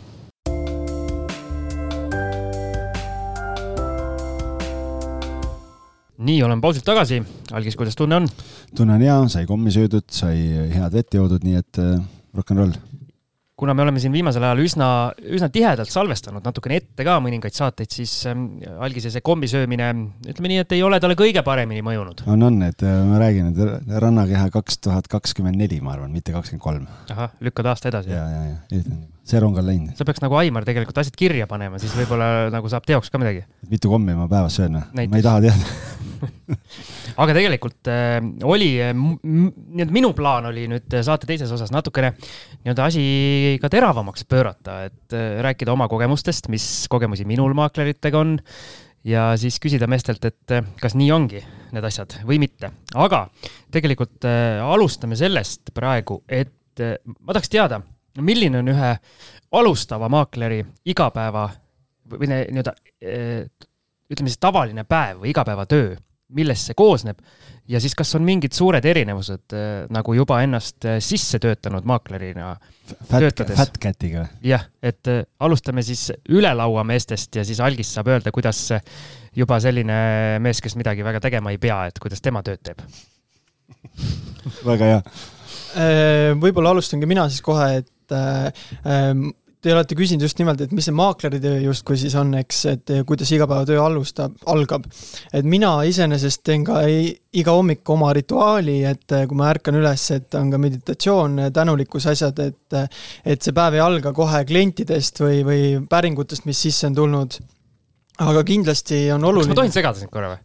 Algis ka..., miks meil saates alati noored mehed ja noored naised, kes meil käivad külas, alati niisuguse kadeduse minust tekitavad, et mida ma nooruses tegin?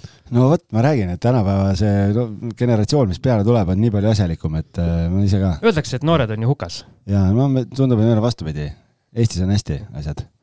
või tähendab, meie saatekülalistel on ja. hästi vabandust, et me segasime. ei ole hullu, Siim, Siim segab ikka siis, kui Siim tahab, et, et aga, et aga, aga jaa, mis on ka kindlasti. tark mees ka veel peale jälle segad mis on kindlasti väga oluline veel, on see, et äh, kui sa tööle tuled, et äh, kõige olulisemad asjad, kus nagu, äh, kus nagu su kliendid saad või objektid tulevad, et need asjad olgu tehtud, et kindlasti üks asi on kõned, teine asi on kohtumised uute klientidega, mis seal päeva jooksul tulevad, ka vanade klientidega, näiteks korterite, majade näitamised kindlasti võiks olla graafikus ka meilidele, meilidele vastamine, meie oleme lubanud äh, vähemalt kahekümne nelja tunni jooksul äh, meilile vastata, siis alati on olnud varem, aga, aga, aga maksimum on kakskümmend neli tundi, eks. ja, ja kindlasti ka huvilistele näitamine korterid ja turundustegevused, mis on siis sellised sotsiaalmeedia postitused või, või nii. aga, aga ma arvan, et äkki Aimar täiustab minu seda ägedat loetelu, mis siin oli just. jaa, et mina avan iga hommiku kaks kingitust need on minu silmad oh.. et teed lahti, vaatad, vau, ma lähen jälle, jälle näen, vahest on tuba pime ka, aga ühesõnaga, et teen silmad lahti, vannilas väiksed siuksed äh, lühirituaalid. ma segan sind ka korra, kui tohib. tohib. minul äh, vanem laps ütleb ärgates alati, silmad ei tööta jah, okei okay., hea teada siis ma tegelikult, äh, ütleme rituaalidest on see, et jah, minul on ka sidruni vesi, äh, minul on Wim Hofi hingamine ja kindlasti igal hommikul külm dušš. et jääkülm poolteist minutit ja siis sellele järgneb sihuke tervislik hommikusöök ja siis sealt on juba, sõltub päevast, et kui on, meil on noorem poeg veel lasteaed, viima-, lasteaias viimane aasta, nii et mina viin hommikune, hommikult, hommikul lapse lasteaeda ja pärast seda sõltub sellest, kas mul on näitamine juba kell üheksa, kui ei ole, siis ma maandun koju tagasi ja ma avan tegelikult siis äh, tööarvuti ja tegelen nende päringute ja muude asjadega, mis, mis puudutab siis nagu objekte ja vaatan üle kõik, et kõik värske oleks. aga sama päev jätkub kindlasti pärast seda, et mul on tõenäoliselt siis päeva teises pooles, kas siis kell üks pildistamine näiteks äh, või mul on kohtumine uue objektiga seoses, uus klient, eks ole või ma lähen siis äh, näitamist tegema, et äh, see päev on hästi erinev, et äh, ja me oleme, me oleme abikaasaga selles mõttes logistikud, et keegi peab ju lapsele lõpuks lasteaeda järgi ka jõudma, nii et kuna me elame Raplas, et siis kui minu üürikorteri huvilised ei saa tulla äh, päevasel ajal, siis tegelikult book in ma ühe õhtu lihtsalt täis neid. näiteks homme õhtu ongi mul äh, ühes korteris järjest kolm näitamist ja sel õhtul mina lihtsalt lapsele järgi ei lähe ja me oleme selle läbi rääkinud ilusti. laps jääb lasteaeda ei, see on läbi räägitud äh, eelnevalt, kas siis jõuab ämm või, või läheb siis naine varem töölt ära, et ka Tallinnas käib tööl. ehk et minu päev on selles mõttes hästi erinev ja, ja ma käin teen oma näitamised ära ja tihtipeale, kui ma koju jõuan, siis ma üritan maksimaalselt vastata päeva jooksul meilidele, et õhtul arvuti taga ma ei peaks saatma meile pool üks öösel või pool nagu kaks algis. nagu algis, just ma tahtsin öelda, et ma üritan seda nagu koormust vähendada, kui hetkel toimib algis, kas edasi jõudnud maakleril on siis see, et tegevusi päeva jooksul on nii palju, et meilid laekuvad pärast südaööd? kusjuures tuleb tõele au anda, et nii ongi, et lihtsalt on, eks neid vestlusi on kodus peetud omajagu sellel teemal, et kas peab õhtul arvutiga. kas iseendaga või? Endaga ja, ja abikaasaga samamoodi, et et tegelikult on nii, et, et minul on täna portfell on ikkagi nii suur, et ma päeva, minu päevad äh, valdavalt nii ja mehed näevad, võivad kinnitada, et ega ma väga palju kontorisse ei jõua, et äh, üritan planeerida, et ma saaks käia ja, ja kui on mingeid teemasid, küsimusi, asju vaja arutada, et, et ma olen olemas. aga ikkagi praegu äh, minul on, äh, tööd on väga palju ja päeval, kui ma ikkagi mööda linna ringi sõidan ja kalender on, eile lõpetasin äh, Viimsis äh, õhtul seitse, üheksateist, viisteist tööpäeva, siis sealt hakkad koju sõitma veel, ma olen teisel pool linna, on ju, jõuad peale kaheksat koju, siis lähevad lapsed, lähevad magama, noh siis äh, abikaasaga saad võib-olla seal natukene arutada, päevamuljeid vahetada, kuidas kellelgi läks ja nii edasi ja siis võtad arvuti ja siis teed kaks-kolm tundi tööd, sellepärast et kuskil peab nendele meilidele ja päringutele vastama, mis vajavad tegelemist või mõne kuulutuse üles panema või suhtlema hindajatega mõne objekti osas, mis müüki on tulemas, fotograafiga pildistamised vaja kokku leppida, et minul on, minul on täna ikkagi, on jah, ajast on puudus, ütleme nii, et, et võiks nagu keegi seda aega juurde panna päeva, et kolmkümmend kuus tundi olla näiteks kahekümne nelja asemel sa ei oska planeerida aega? see kindlasti, seal on omakene, omajagu tõde, omajagu tõde on sees karjub assistendi järgi, ma arvan. ja, ja, ja ma tegelen sellega õnneks, nii et, et ma arvan, et saab leevendust varsti, see mure. üle, ületöötamise risk on üsna suur, nii et, et see ei ole ka hea aga ma saan aru, sa oled kunagi ikkagi seda nii-öelda läbipõlemise asja ka kogenud? Äh, ma olen ühe korra ennast läbi küpsetanud ja, ja ütleme nii, et, et ega kui siin õhtuti kella üheni või kaheni tööd teha ja hommikul kella seitsmest üles ja pead lapse kella kaheksast hakkama last kooli viima, et siis see nagu jätkusuutlik ei ole jah, et selles mõttes on ühest küljest ei taha nuriseda, et ma olen väga tänulik, et mul on tööd, aga teisest küljest jah, et kuskil läheb see piir, on ju. et nagu Gerd-Kristjan siin korduvalt on rõhutanud, siis ega ei ole siin enam esimese noorusega tegemist no vot, ja siis eh, mees, kellel on nii palju tööd, eh, siis eh, otsustas hakata ka üritusi korraldama, eks?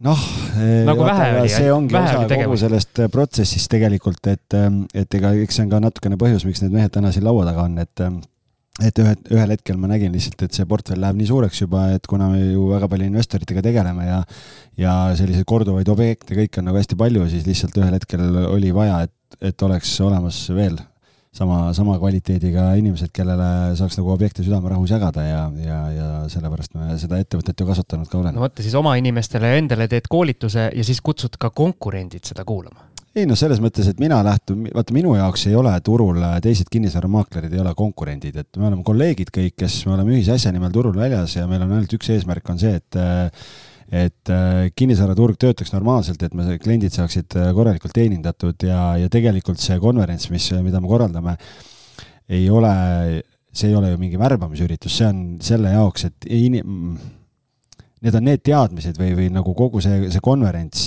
on just see, et et kui ma vaatasin, et tavalisi müügikonverentse ja asju nagu tehakse, et, et kus siin, siin Dominate Sales'i poisid tegid just siin nimed eh, müügitahvlil ja, ja noh, ühesõnaga erinevaid selliseid üritusi on, aga siis ma hakkasin mõtlema selle peale, et eh, kinnisvaramaaklerite koda teeb nagu tänuväärset tööd selle koha pealt, et on äh, siin, kuidas registrit kasutada ja, ja ma ei tea, mingid õiguslikud küsimused ja kõik see pool, aga just see, millest me saate esimeses pooles rääkisime, et need õiged hoiakud ja, ja nii-öelda fookus ja tegevused ja, ja kogu see turunduslik pool ja kuidas siis äh, ennast nii-öelda ennast või ka maaklerbürood üles kasvatada niimoodi, et sa saaksid müügitunneleid ehitada, et sa ei pea ainult külmi kõnesid tegema, kui sul ei ole väga tugevat network'i.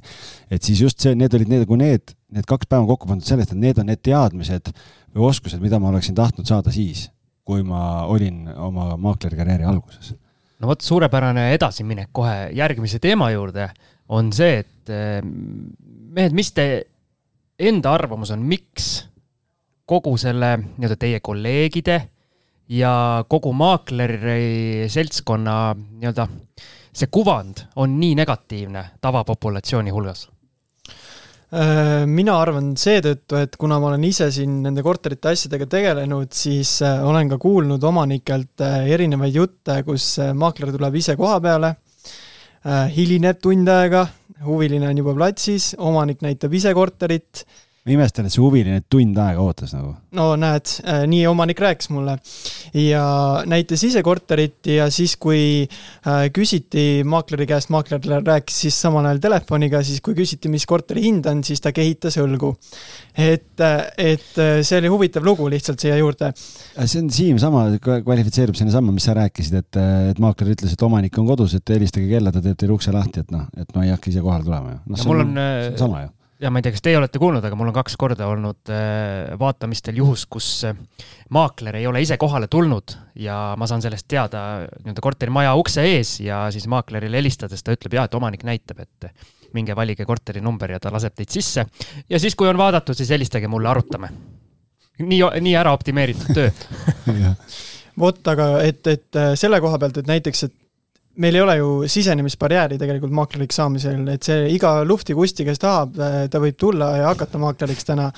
et, et selle, selle koha pealt ka on kindlasti erinevad tasemed, tasemetega maaklereid ja on inimesed, kellel on nagu ainult äh, raha teenimise soov ja on inimesed, kes nagu tõeliselt tahavad ka teisi inimesi aidata ja, ja seeläbi nagu ka enda palga välja teenida vot, et see, see on nagu minu, minu selline nägemus, et me ei, me ei saagi seda justkui võtta niimoodi, et on head või halvad maaklerid, lihtsalt seal ongi, täna võib igaüks hakata ja seal ei olegi justkui nagu midagi teha. kusjuures keegi, kas meie saates nimetas neid nii-öelda luhtikustisid eh, mis see oli, kilekoti maakler? Jüri, Jüri Preobraženski ütles, jah, see on väga levinud väljend turul, jah. no vot. et ma ja nõustun Gerd Kristjaniga, et see kilekotiga maakleri tegutsemine on tegelikult täna rikkunud ära, mina arvan, teiste maakleri kuvandi ehk et äh, mida nad teevad, on see ju, et nad sisuliselt kas siis äh, omaniku nõusolekul kasutavad sama teksti ja sama, samu fotosid, panevad üles ja nad ei pruugi sinna ühte klienti ka tuua ja lihtsalt riputavad nagu äh, objekte endale portfelli. ja, ja seal on see, siis, ja siis ongi omanikud pettuvad nendes ja tegelikult äh, teevad omanikud siinkohal lihtsalt suure vea ja üldistavad, kõik maaklerid ongi sellised. ja selliselt on see kuvand tegelikult hästi negatiivseks nagu muutunud. ise ka helistades, siis tegelikult äh, ma saan tagasisidet, et, äh, seal on, äh, tundub hääletoonis, aga te olete maakler, jah? Ja siis ma saan aru, et okei okay,, seal on mingi asi, hakkad vaikselt nagu uurima, mis siis oli. ei, mul maakler müüs neli kuud, ei saanud müüdud. nojah, turg tegelikult langes ka, aga noh, et tegelikult ta natuke teab, et ta ei, maakler ei olnud üleni süüdi, aga ta paneb süü nagu maaklerile üleni. et, et seal on äh, mingisugune negatiivne varasem kogemus äh, kliendil all noh, ja nüüd ongi täna see küsimus, et kas ta on valmis veel nagu usaldama ja riskima, võtma uuesti maakleri appi. et see sõltub juba inimesest ja kas me suudame selle nagu telefoni teel selgeks teha või mitte, et, et ma ma saan aru ka nendest äh, omanikest, kes tegelikult ütlevadki telefoni teel, et ma ei ole huvitatud ja ma enda närve säästes äh, võtan selle seisukoha, et ma ei lähe peale pressima, et sa kas soovid mu abi või ei soovi ja see on, ma austan seda otsust. ma tunnen ära selle, et ta väga ebaviisakalt juba suhtleb ja nähvab, et siis mul ei ole mõtet rohkem teda peale suruda, ütlen hästi viisakalt tänan ja, ja head päeva, et vot äh, mina siinkohal natuke vaidleksin Aimarile vastu oh,. Läheb teravaks. et äh, täna meil on, äh, mul on mitu klienti olnud, kes on täielikult maakleritele vastu. Ma räägin nendega, proovin paremini aru saada, miks nad on maakleritele vastu äh,. peamiselt tulebki sealt kogemus, et on äh, halba tööd tehtud või ei ole klienti toodud, eks Äh, on lihtsalt kuulutatud kolm-neli kuud ja ei ole nagu ühtegi klienti toodud. Äh, samamoodi olen ka Aimariga nõus, et äh, tuleb aru saada sellest, et tõesti, kui näed, juba mõte kadus ära, aga see selleks, et ei noh, et kas klient on koostöövalmis üldse või mitte, et see on see kaardistamise küsimus. ma nagu selles mõttes mina, ma olen ka nagu nõus selle koha pealt, et, et noh, sa läbi seina ei ole mõtet pressida ju, et kui sa ikkagi saad aru, et see klient ei taha seda teenust, noh siis ega samamoodi nagu klient valib maaklerit, valib ju maakler ka klienti, et see on nagu kahepoolne koostöö ja kui ikkagi teisel pool on ebameeldiv inimene, siis tekib küsimus, et aga miks ma peaksin sellise inimesega tahtma koostööd teha üldse et äh, jaa, aga alati ta ei ole ebameeldiv, ta lihtsalt äh, on saanud halva kogemuse, samamoodi nagu ei, ma, sina jah. ostad äh, pesumasina, mingi müügimees müüs sulle töötab nädal aega, läheb rikki ja sul on ebameeldiv tunne ja sa enam selle müügimehe juurde ei taha minna, et ta müüs sulle jama asja, on ju. et see on juba rohkem psühholoogiline, mitte ei ole, ja neid hirme tuleb justkui maha võtta ja kui inimesel tekib sinu vastu usaldus, siis seal ei ole enam mingit küsimust, siis ta ka ostab selle teenuse uuesti. ja ma arvangi, Gerd Kristjan tahab seda, seda nagu välja tuua, et tegelikult tema kõnedest äh, me oleme nii-öelda õppinud kõik Gerd Kristjanilt täna. kui äh, sulle tuleb esimene ei, siis see ei tähenda, et kõne on lõppenud see kõne kestab äh, kümme-viisteist minutit ja lõpuks äh, saab Gerd Kristjan kohtumise. ehk ta lahendab ära selle probleemi ju kõne käigus, et äh, mis oli see trigger, miks ta alguses nagu ei taha maakleri abi. ja tegelikult seal taga on hoopis mingi kindel põhjus, et, et selles mõttes kiidame siinkohal ikkagi Gerd Kristjan, kes läheb sealt edasi ja teeb selle ekstra sammu, et leida lahendus ikkagi ma olen nõus, need, need, Siim, kui sa neid kõnesid kuuleks, nagu see on väga-väga huvitav, et, et Gerd-Kristjan salvestab osasid kõnesid õppimise enda analüüsimise eesmärgil nagu ja tegelikult on see, et sa saad tegelikult aru, et mõni inimene, kes on alguses ülinegatiivne, pärast ütleb, et kuule, et tule, saame kokku et tule, tule aita. ja et ärge nii siin Gerd-Kristjani saba ka nii tohutult kergitage, et mul ego kasvab muidu väga suureks. ei mahu tuppa ära. ei mahu tuppa ära. küll me siis tegeleme sellega. küll me, küll me maha tõmbame, seda me oskame aga see selleks. Äh, rääkides nendest kilekutimaakleritest, tegelikult üks selline maakler äh, aitas mul kunagi selle Kehra Flipi korteri väga-väga ähm, hea hinnaga saada. ja siin on hea see kogemuslugu nii-öelda välja paisata ja, ja küsida, mis seal valesti oli maakleri töös ühesõnaga, omanik müüs, väga kehvad pildid, no põhimõtteliselt kui nii-öelda kümne palli süsteemist panna, siis äh, võib-olla poolteist piltide eest omaniku poolt. ja äh, ühel hetkel ilmusid, äh, ilmus teine kuulutus, nii-öelda topeltkuulutus, maakler oli lasknud korralikult pildid teha. uus tekst vist oli ka kuulutusel, aga see omaniku kuulutus jäi ka üles. ehk siis topeltkuulutus, ma vaatan, no täpselt sama korter. muidugi ma helistan omanikule ja äh, Läksin vaatama ja siis, kuidas see nüüd oli, ja ma käisin vaatamas ja siis see müüja ütles, et jah, et mul siin maakler ka müüb. maakler ütles, et sama hinnaga siinsamas Kehras olen juba müünud kaks korterit, aga see miskipärast ei liigu. ma tahtsin talle öelda, et põhjus, miks ei liigu, on see, et see on nagu põhimõtteliselt nagu koobas, koristamata, üli, ülimust, ülikole, mingit nii-öelda visuaale ei ole selle inimese jaoks, kes vaatama tuleb. et äh, ja siis äh, pakkusin talle oma hinna, hullult alla müügi või selle portaali hinna ja kuu aega oli vaikus ja siis ta kirjutas mulle tagasi, tegi omapoolse vastupakkumise, ma ütlesin ei, ma jään ikkagi oma esialgse pakkumise juurde. siis rääkis jälle, kuidas maakler ikka jälle müüb ja keegi ei taha vaatama tulla ja, ja lõpuks ma sain oma hinnaga selle korteri kätte, siis kui me notaris olime ja pärast siis ma nagu küsisin, et noh, et mis see maakler sul tegi seal. ah, ta tuli, käskis natukene korda teha, tegi pildid ja ja ega ta seal rohkem, siis ta vahepeal umbes küsis, et eh, noh, et kas sul endal keegi on käinud või niimoodi ja, ja oligi kõik, et ühesõnaga kogu aeg oli topeltkuulutus üleval, hind oli sama ja maakleri poolt mitte mingit tegevust. kuidas kommenteerite? no ma lasen meestel sõna võtta, et see on niisugune põhiline teema, mida, mis noh, nii-öelda see dilemma meil igapäevaselt käib peaaegu läbi siin, et kus omanikel on oma kuulutus maakleriga paralleelselt üleval, et, et las, las mehed vastavad meil on ju selles mõttes kokku lepitud, et meie tegutseme tegelikult ainult äh, ainuesindusega. ehk et sel hetkel, kui me teeme pakkumisega siis telefoni teel või, või saadame meili, et siis tegelikult me kirjutame ka, et et ainult ainuesindusega tähendab, et äh, kui mõni kilekotiga maakler seda objekti vahendab, siis äh, tuleb paluda tal see eemaldada või siis ka omanik ise, et ta ei tohi jätta paralleelselt seda kujutlust üles, eks. sest et kui sealtkaudu tuleb klient, siis tegelikult see on nii-öelda tema klient ja meil pole otsest õigust äh, seda enda nii-öelda töö alla võtta. ehk et me üritame selle alguses kohe selgeks teha, et, et teist paralleelset konkureerivat äh, kuulutust samale aadressile olla ei saa. et see ainus esinduse teema ja ma, ma lisan siia, et äh, mida jättis see kilekotiga maakler tegemata, on see, mida meie teeme, on see pildistamise memo. ehk kui sa lähed omanikult nii-öelda korterit endale portfelli võtma, siis okei okay,, sõlmite lepingu tegelikult äh, lo loodetavasti kirjalikult, et siis tegelikult meie enne pildistamist äh, anname omanikule teada pildistamise memo, et meil on, näe, ruumid peavad olema sellise puhtusega ja vaat siin võiks kasutada neid, neid ja lõpliku sellise padjad, tekid, fliisid, lilled me paneme ise. kusjuures ma segan vahele, kusjuures pildid, maakleri pildid olid kenad, aga see äh, võrdlus sellega, kui ma nüüd kohale läksin see oli nagu, nagu katastroof. aga seal elas keegi sees siis? seal elas inimene sees, seesama müüja elas sees ja see oli selline, no me vist saates oleme rääkinud, sihuke mitte kõige puhas okay., puhtamate elukommetega. ehk siis seal olid mingid vaibad olid nagu ära võetud eh, pildistamise ajaks, mis mm -hmm. olid mhm. tohutult määrdunud. Ja, ja üldse nagu natukene peidetud seda nii-öelda reaalsust. Ja reaalsus oli see, et kui mina sinna kohale läksin, kuna kardinapuu oli alla kukkunud, siis kuidagi oli mingi naeltega või ma ei tea, mismoodi betooni sisse löödud niimoodi, tekid rippusid akende ees.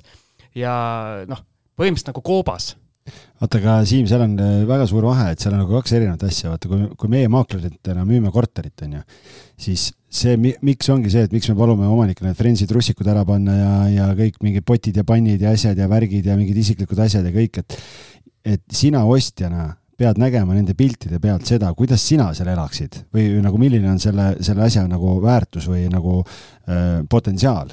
aga kui me teeksime need pildid niimoodi, et need tekid on seal äh, akende ees ja, ja, ja pesemata nõud on kapi peal ja nii edasi, siis see näitab seda, kuidas tema praegu seal elab. aga sa ei osta seda, kuidas tema elab, sa ostad korterit. jaa, aga minu point on see, et kui maakler oleks tahtnud reaalselt ise selle objekti maha müüa, siis tema asi oleks niimoodi, et kui tal on näitamine siis ta räägib selle omanikuga, et kuule, et nüüd on ka aeg ikkagi need nii-öelda ja, ja, ma tulen see päev kliendiga, et, et palun valmista samamoodi ette, nagu oli, oli pildistamise jaoks, et klient tuleb, et, et, et ta näeb seda väärtust, mitte niimoodi, et nagu, et ta näeb seda, kuidas sa seal elad, on ju, et selles mõttes ma olen nõus, jah. Mul on endal praegu portfellis üks maja Raplas müügis ja, ja seal on pererahvas selles mõttes väga tubli, et meil käib seal harva huvilisi, aga me lepime alati ette kokku, mis päev sobib. Ja kui siis huviline on teada, et näe, laupäeval on näitamine koristusega alustatakse juba nädala alguses, sest et seal on kolm last kõik on poisid, et kaks korrust ja see tähendab, et noh, perenaine käibki kõik toad üle ja siis viimasel hommikul, kui ma jõuan varem sinna, siis äh, laupäeval käisin näitamas ja siis äh, peremees pühib higi,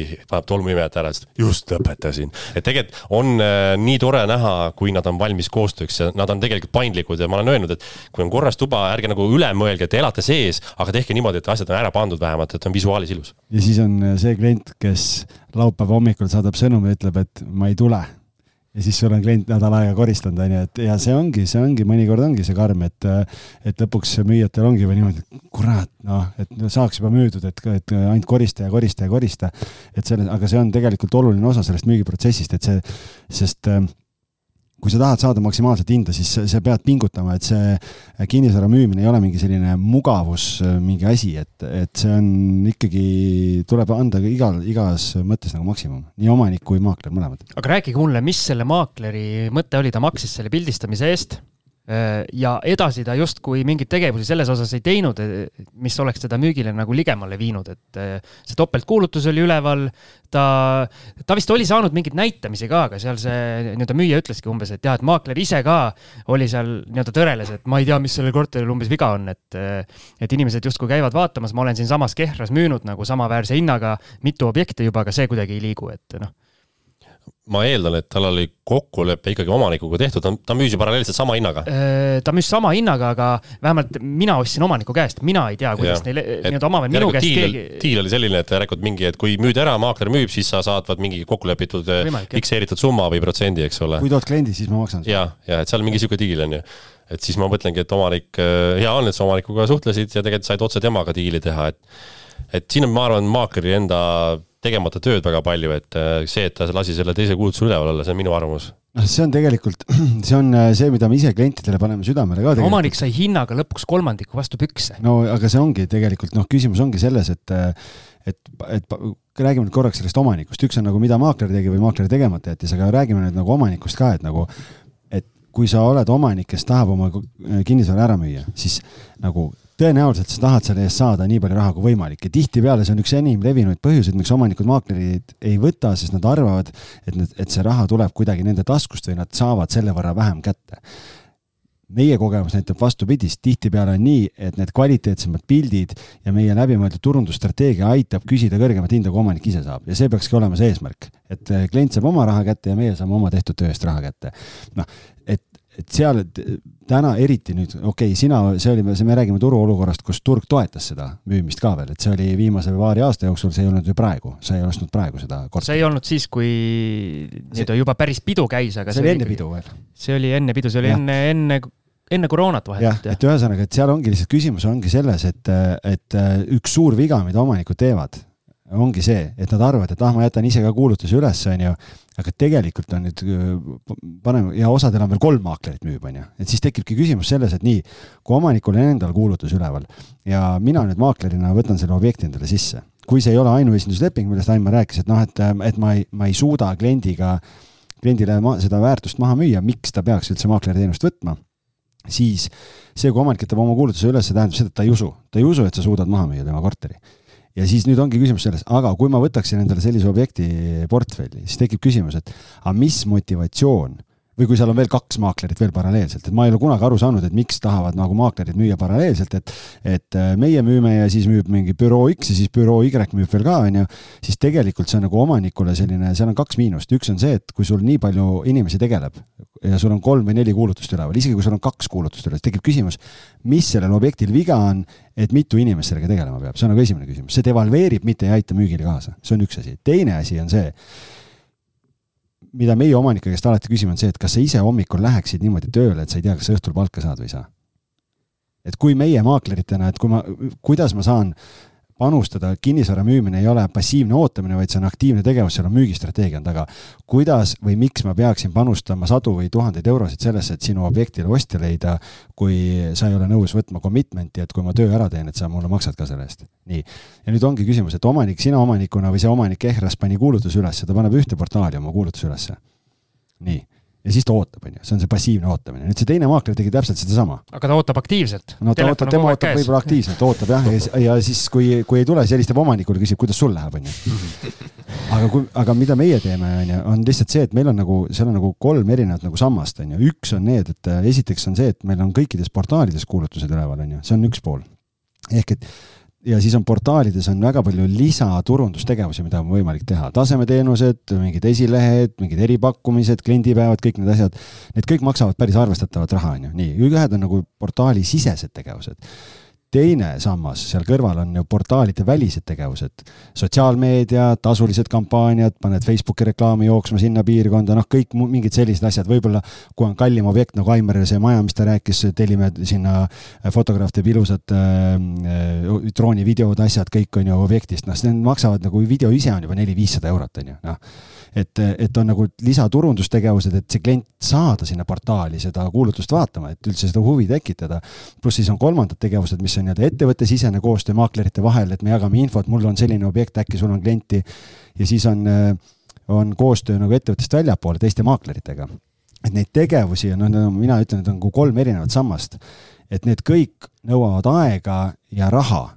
aga nüüd ongi küsimus selles, et kui kui maakler lihtsalt teeb pildid ja paneb kuulutuse üles, siis miks sa omanikuna üldse võtad sellise maakleri, noh, mis see väärtus on, kas küsi enda käest, et mis see väärtus on, mida ta loob või kui ta võtab viissada või, või tuhat eurot on vahendustasu. noh, siis ta, ta ei saa sellest mitte midagi teha. et, et pole mõtet võtta sellist maaklerit, see on enesepettus lihtsalt Sorry, läks äh, tohutuks piraadiks. ma loodan, et see maakler ei palganud fotograafi, vaid tegi ise hästi kvaliteetse foto, fotokaga lihtsalt. siis tal ei ole seda vaata lisakulu tekkimas, vaid oli oma aeg ja käis lihtsalt pildistas. aga see on jälle noh, et siis, kui ta ongi see, et aa ei, ma ei, et noh, et, et fotograafi ei võta ka, teen ise noh, et igalt, igal sammul üritad kokku hoida mm, -hmm. noh siis ongi, et maaklerid ei tohi mõelda oma rahakotist lähtuvalt, selles mõttes oma rahakotist lähtuvalt, et sa pead see äh, maakleri, maaklerileping peab olema ju selline, et noh, mõtle nüüd Siim ise, ütleme näiteks, et on sajatuhandene korter, on ju. lõpeta kiirelt ära, lähme edasi, mul on neid probleeme veel nii palju. sajatuhandene, võtame lihtsalt, et noh, et sajatuhandene korter, sul on maakleritasu on kolm protsenti pluss käibemaks. ei no Kehras saja tuhandega saab no, kilo kaupa. seal maksis, ma ei tea, kolmkümmend viis tuhat sul on ju. no oota, portaalis oli, ma ei mäleta, kolmkümmend kuus üheksasada vist oli portaalis. noh, kolmkümmend kuus üheksasada ma arvan, keskmine maakler ei julgegi seal väga palju küsida, aga tegelikult sellise objekti puhul noh, et Tallinnas tegelikult vahendustasud on kaks kuni neli protsenti, sõltuvalt objektist, kui kallis ta on ja nii edasi. väikeses kohas see võib olla ka viis või kuus protsenti, sellepärast et kui sa võtad, et viis protsenti kolmekümne viiest tuhandest on noh, kaks tuhat umbes. aga kui sa võtad portaalide kulud, on ju, sul on kütus, kui sa tellid veel fotograafi, noh, kõik need asjad, siis äh, maakleril läheb, pool läheb veel büroole ära, on ju, noh, kui ta võtab sealt sul sellest kahest tuhandest kulud, asjad maha, võib-olla sul jääbki neli-viissada eurot kätte, tahad palka ka maksta, sa saad kaks-kolmsada eurot endale kätte.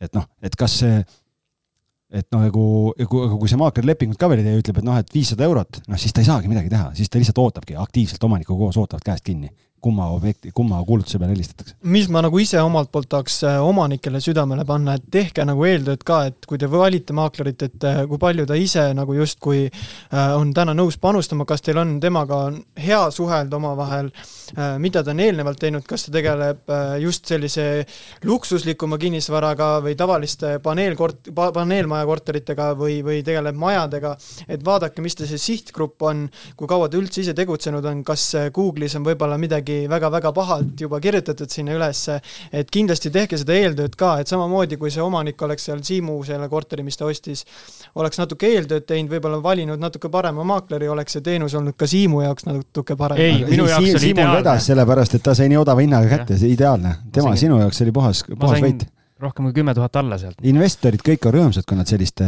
muidugi, muidugi sellised asjad ju noh, mine ja, mine ja korja, aga neid lihtsalt ei tule liiga palju. Nii, aga lähme edasi. me üritame on... oma panuse anda ka, et su elu oleks nii raske kui võimalik siis. jah, ma saan aru. õnneks te Kehrasse ilmselt ei jõua veel mine sa tea nii, aga järgmine probleem, mille otsa mina olen äh, sattunud, see nüüd on asi, äh, mis minu, minu elu teeb ka keerulisemaks ja väga hästi siin äh, kõlas juba sõna eeltöö. Äh, väga paljudel maakleritel on eeltöö tegemata selles mõttes, kui mina lähen objekti vaatama ja mul on küsimusi ma küsin kõigest, alates parkimiskohast, lõpetades äh, püstakute vahetamisest, elektrijuhtmetest, kõigest, kõigest, kõigest. nii, ja siin hiljutisi kogemusi ka mul liiga palju on selliseid, kus, kus maakler ütleb, et ma ei tea, ma pean omanikule helistama. ma ei tea, ma pean omanikule helistama. selliste küsimuste kohta, mis minu meelest on täiesti noh põhimõtteliselt küsimused, mida iga ostja peaks küsima ja ta ei tea nendele vastust. Ma ei tule ju oma kruvikeerajaga neid pistikuid ära, ära katkuma, et vaadata, kas seal on elektrijuhtmed vahetatud või ei ole. seda võiks ju maakler teada. on mul õigus?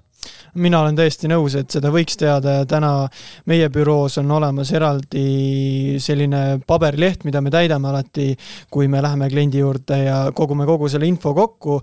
ega maakleri pea ei ole ka prügikast, et äh, seal on olemas see paberi peal alati meil see info ja kui tuleb Siim vaatama, siis meil on kõikidele ta küsimustele vastused olemas.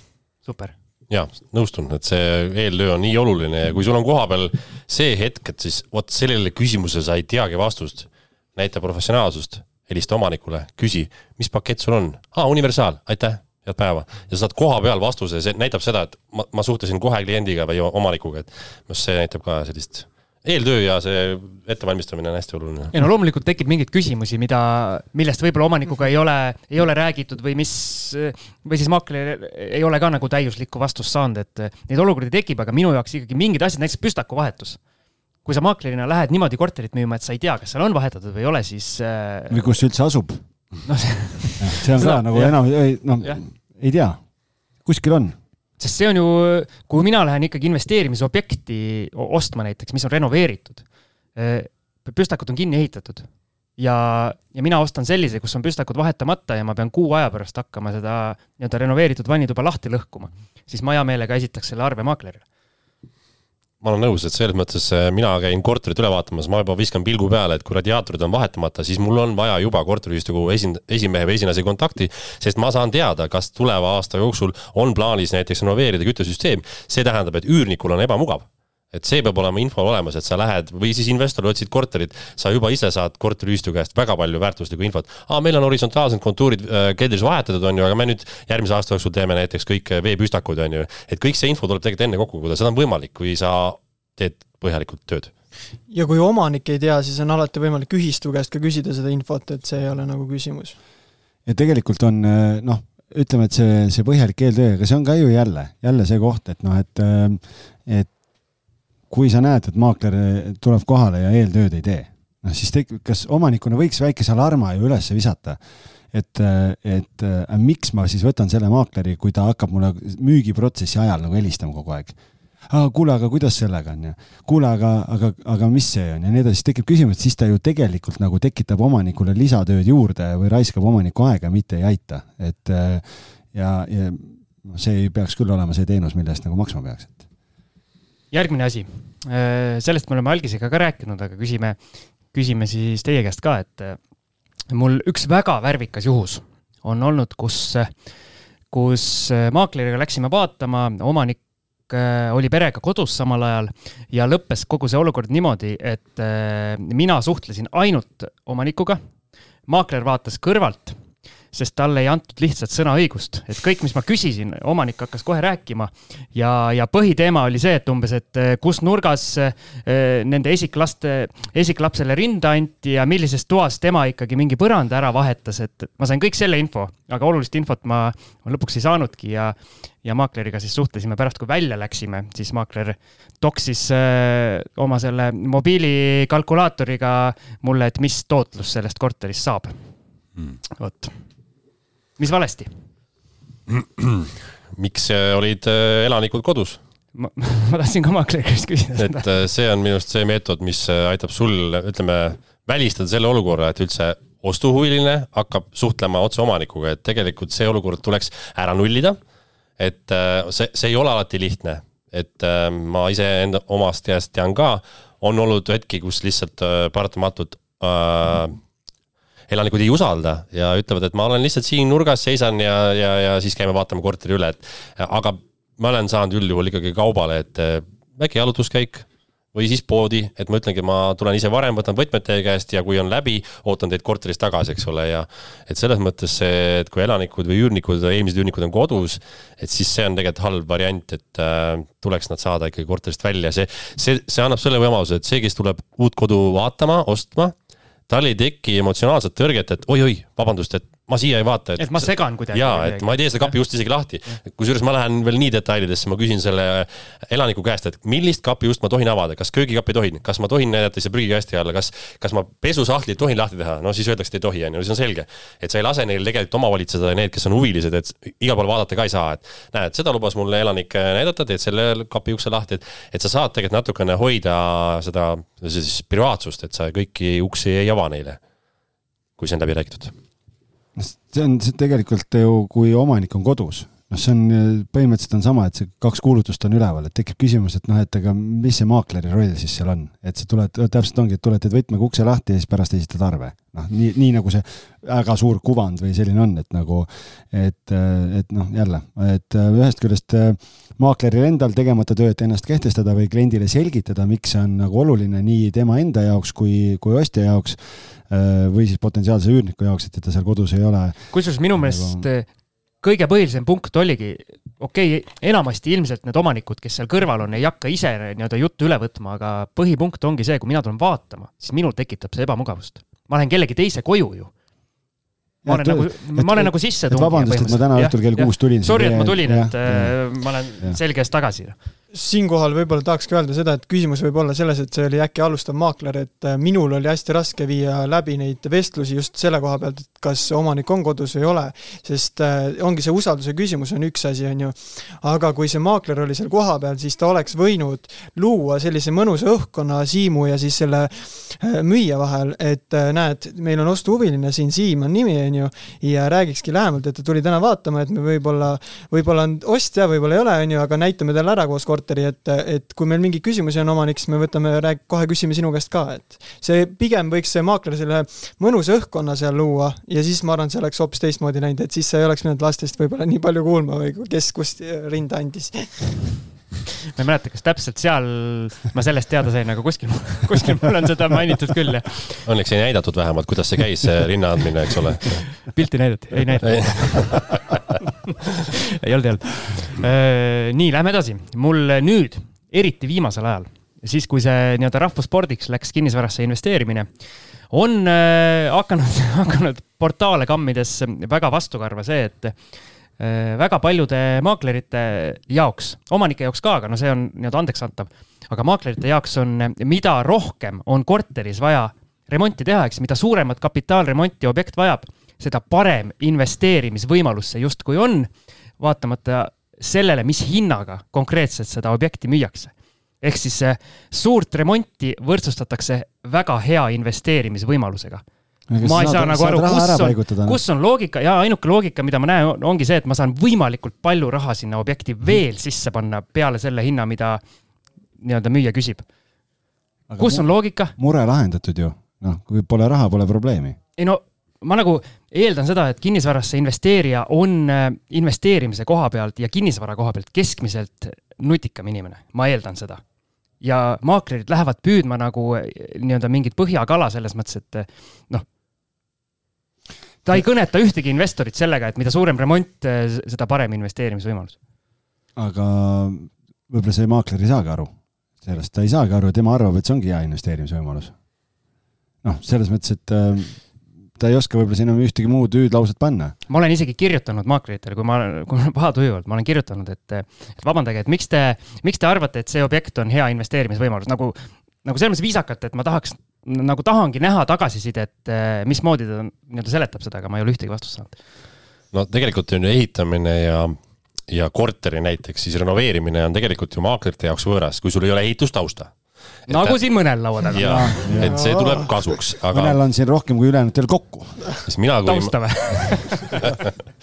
et kui ma olen oma investoritele otsinud äh, just selliseid, ütleme ausalt siis peldikuid vabandust väljenduse pärast, siis äh, oli kindel soov filteril see, et ta peab olema võimalikult halvas olukorras, sest ta teadis, et sellega ma saan alla kaubelda hinda.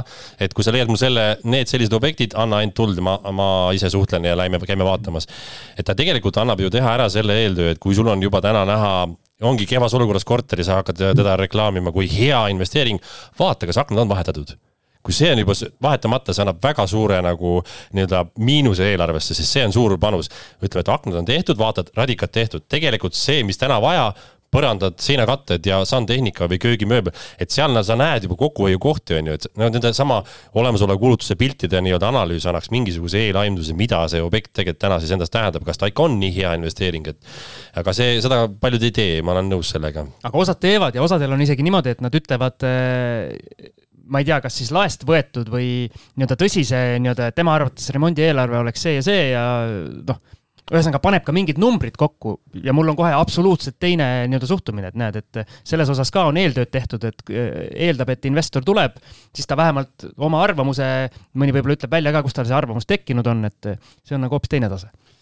Ehm, tegelikult ehm, kurb on asja juures see, et eh, üks probleem on see, et need korterid, mis on nii-öelda need nagu Rahakratt kasutas peldikkorterid jah, ja Aimar ka ütles seda väljendit, et et, et saad tohutult raha sisse investeerida, et on hea investeerimisvõimalus, siis tegelikult teine suur probleem turul on veel. mina viimasel ajal otsin siin erinevatele investoritele selliseid suuri rahavooobjekte, me räägime miljonitest eurodest, on ju, ja küsimus on selles, sa kontakteerud maakleriga, esiteks on see, sa ei saa kohtumist, nagu sul on, kui palju sul on kliente kes, kes täna otsivad turul selliseid objekte, siis sa ootad kolm nädalat, olen oodanud, et saaks minna vaatama objekti. lõpuks mul kliendil hakkab kannatus katkema ja ütleb, et davai, siis ei lähegi, noh, et et nagu jälle maaklerina, kuidas sa saad lubada seda, et sa võtad sellise objekti müüki ja siis ei ole võimalik omanikuga saada kuidagi kokkuleppele või kuidagi nagu noh, et omanik peab kohal olema noh, okei okay,, ma saan aru, et kui sul on mingi suur, mingi, ma ei tea, kortermaja või mingi hotell või mingi asi, noh, et omanik teab ise kõige paremini, aga jällegi, sa maaklerina saaksid selle baasinfo kõik võtta ja näidata ise, mitte sõltuda omanikust. see on üks pool, teine pool on see, saadan küsimused, kui suur on igakuine rahavoog, millised on kulud, ehm, kuidas on täituvus, noh, mingid eh, väga sellised normaalsed igapäevased küsimused. et kui sa võtad omale mingi niisuguse ärihoone või mingi, mingi rahavoo objekti müüki, ja siis ta ütleb, et ja siis tuleb vastus, et äh, ma pean omaniku käest selle info kokku võtma ja siis, siis ma vaatan. aga kuidas sa seda müüki võtsid siis nagu, miks sa ei võtnud ise seda, et äh, ütledki omanikule, et näed, mul on seda, seda, seda, seda infot vaja. et, ähm, et, et nad ja nad, noh, seal on võib-olla see, et see on nii suured objektid, et võib-olla lihtsalt ei olegi enne kogemust olnud ja võib-olla ei teagi, ei oskagi kaasa mõelda. ja et need on nagu sellised nagu päris suured äh, probleemid ja, ja siis on veel see, et käid kohal ära, vaatad üle koos omanikuga, kõik on okei okay ja siis äh, ütled, et noh, et tahaks seda infot saada ja siis ootad kolm nädalat ja siis tekib jälle küsimus, et kas see tuleb või ei tule või noh, et nagu sul on nagu kaks või kolm miljonit on laual ilma pangata. võta ära. võta raha, võta raha. ei taha. ja, ja, ja kahjuks jääb, tihtipeale jääb selle vahendava maakleri taha see asi. väiksemal, väiksemal skaalal üsna, üsna samasugune olukord minu jaoks on see, kui äh, maakler müüb objekti, kus on kehtiv üürileping ja ta ei tea, kui palju üüri makstakse. mis mõttes? kui mina selle nüüd ostan, ma saan selle üürilepingu kaasa. kas ma ostan nagu selles mõttes, et ahah, ma saan notarist pärast teada, kui palju see üür on? ei ole ju niimoodi. see on äh, üks tähtsamaid äh, otsustuskohti minu jaoks. aga Siim, üllatusi peab ka elus olema. nojah, mitte selliseid, ma loodan jah, tegelikult oleks mõistlik niimoodi, et, et noh, siin ongi siis soovitus kõigile maakleritele, kes kuulavad, et kui te võtate müüki mingi objekti, kus üürnik on sees ja te müüte nii-öelda koos üürilepinguga, et siis pange see info kuulutusse kirja juba, siis investor saab kohe vaadata järgi, kas see on tema jaoks atraktiivne või ei ole. sest maakler küll ütleb, et noh, see, selle üürilepingu saab kergelt ju lõpetada, aga minu jaoks on see kolm kuud. ei ole kergelt mm. -hmm ehk siis ja, olge ja, nagu Aimar, tehke eeltööd. tihtipeale, tihtipeale arvatakse veel seda, et noh, et tähtajaline ka on ju, et saab lõpetada ju kuulise etteteatamisega, ei saa, ei saa tähtajaline leping lõpeb äh, tähtaja möödudes, kui just pooled ei, ei suuda omavahel teistmoodi kokku leppida või noh, et, kui lepivad teistmoodi kokku, aga selle peale lootma jääda sulle ostjana, et ah jah, küll ma siis lõpetan selle lepingu ära, noh, sa ei saa nagu, see ei, see päris nii ei käi, et. mehed on mõtlikud, mehed on mõtlikud. aga nõustun sellega, et olge põhjalikud nagu. turul on parandamisruumi. Kas te nõustute minuga? ja, ja oleme eeskujuks paljudele teistele ka. jaa, nõustun täiesti, aga võib-olla viskaks õhku küsimuse, et kuidas sa parandaksid seda või kuidas sa äh,, täna meil teeb äh, Algis Liblik teeb meil selle koolituse, eks, äh, kinnisvarakonverentsi äh,, et võib-olla sealt kohast saab juba nendel inimestel nagu mingi hariduse koha pealt kaasa aidata ja, ja oskuste koha pealt aga tähtis on vaata, kui sa probleemi ei teadvusta või ei räägi sellest, siis see probleem jääbki nagu niimoodi kestma.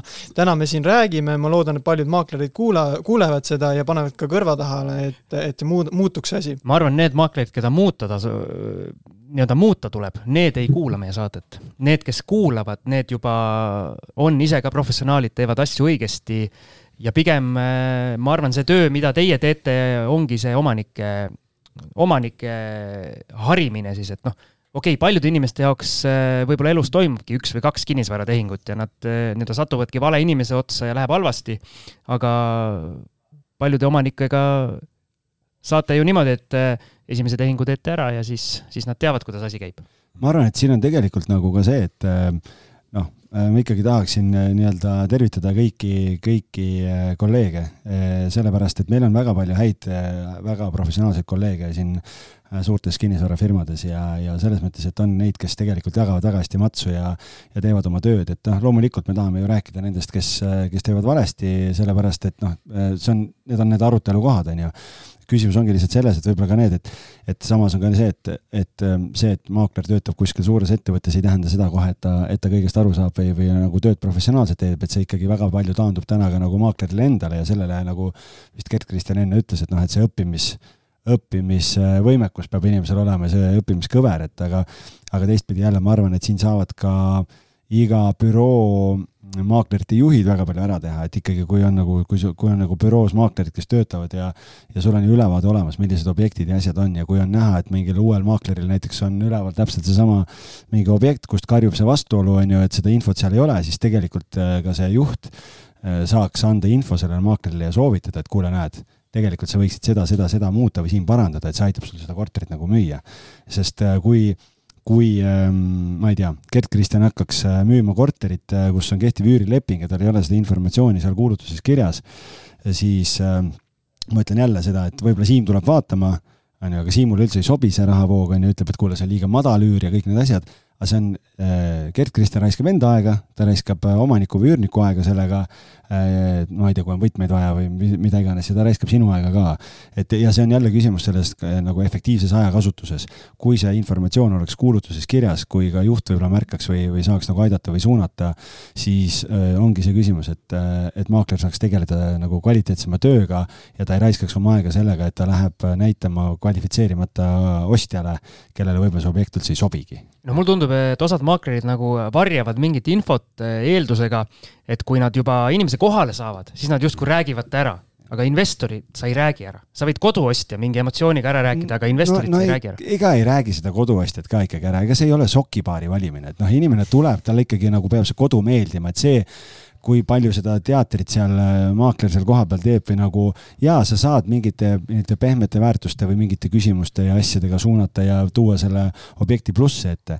aga kui sa tuled ja see korter sulle ei meeldi, siis no ükskõik, kui palju ma seal vaeva näen, nagu no sorry, aga ega sa minu pärast seda korterit ei osta ju aga selleks, et mitte liiga negatiivseks äh, langeda, siis ma ütlen, tegelikult on väga palju häid maaklereid, kelle otsa ka mina olen sattunud, aga nendest ei olegi mõtet rääkida, sest nemad teevad asja nii nagu, nii nagu no, tegema peab. miks me ei räägi nendest? ei no kiidame neid lihtsalt. kiita tuleb muidugi. muidugi, muidugi ja neid on meie saate kuulajate hulgas ka väga palju ja, ja, ja see on, on väga-väga tore, nii et, et igal juhul tervitame. just, mina tervitan ka, aga nüüd, mehed, kõige tähtsam, kõige tähtsam, mida kõik tahavad kuulda sest levib linna peal selline legend, maaklerid, need on ühed ropprikkad tüübid enam äh, kõrgemale hierarhiast tõusta ei anna.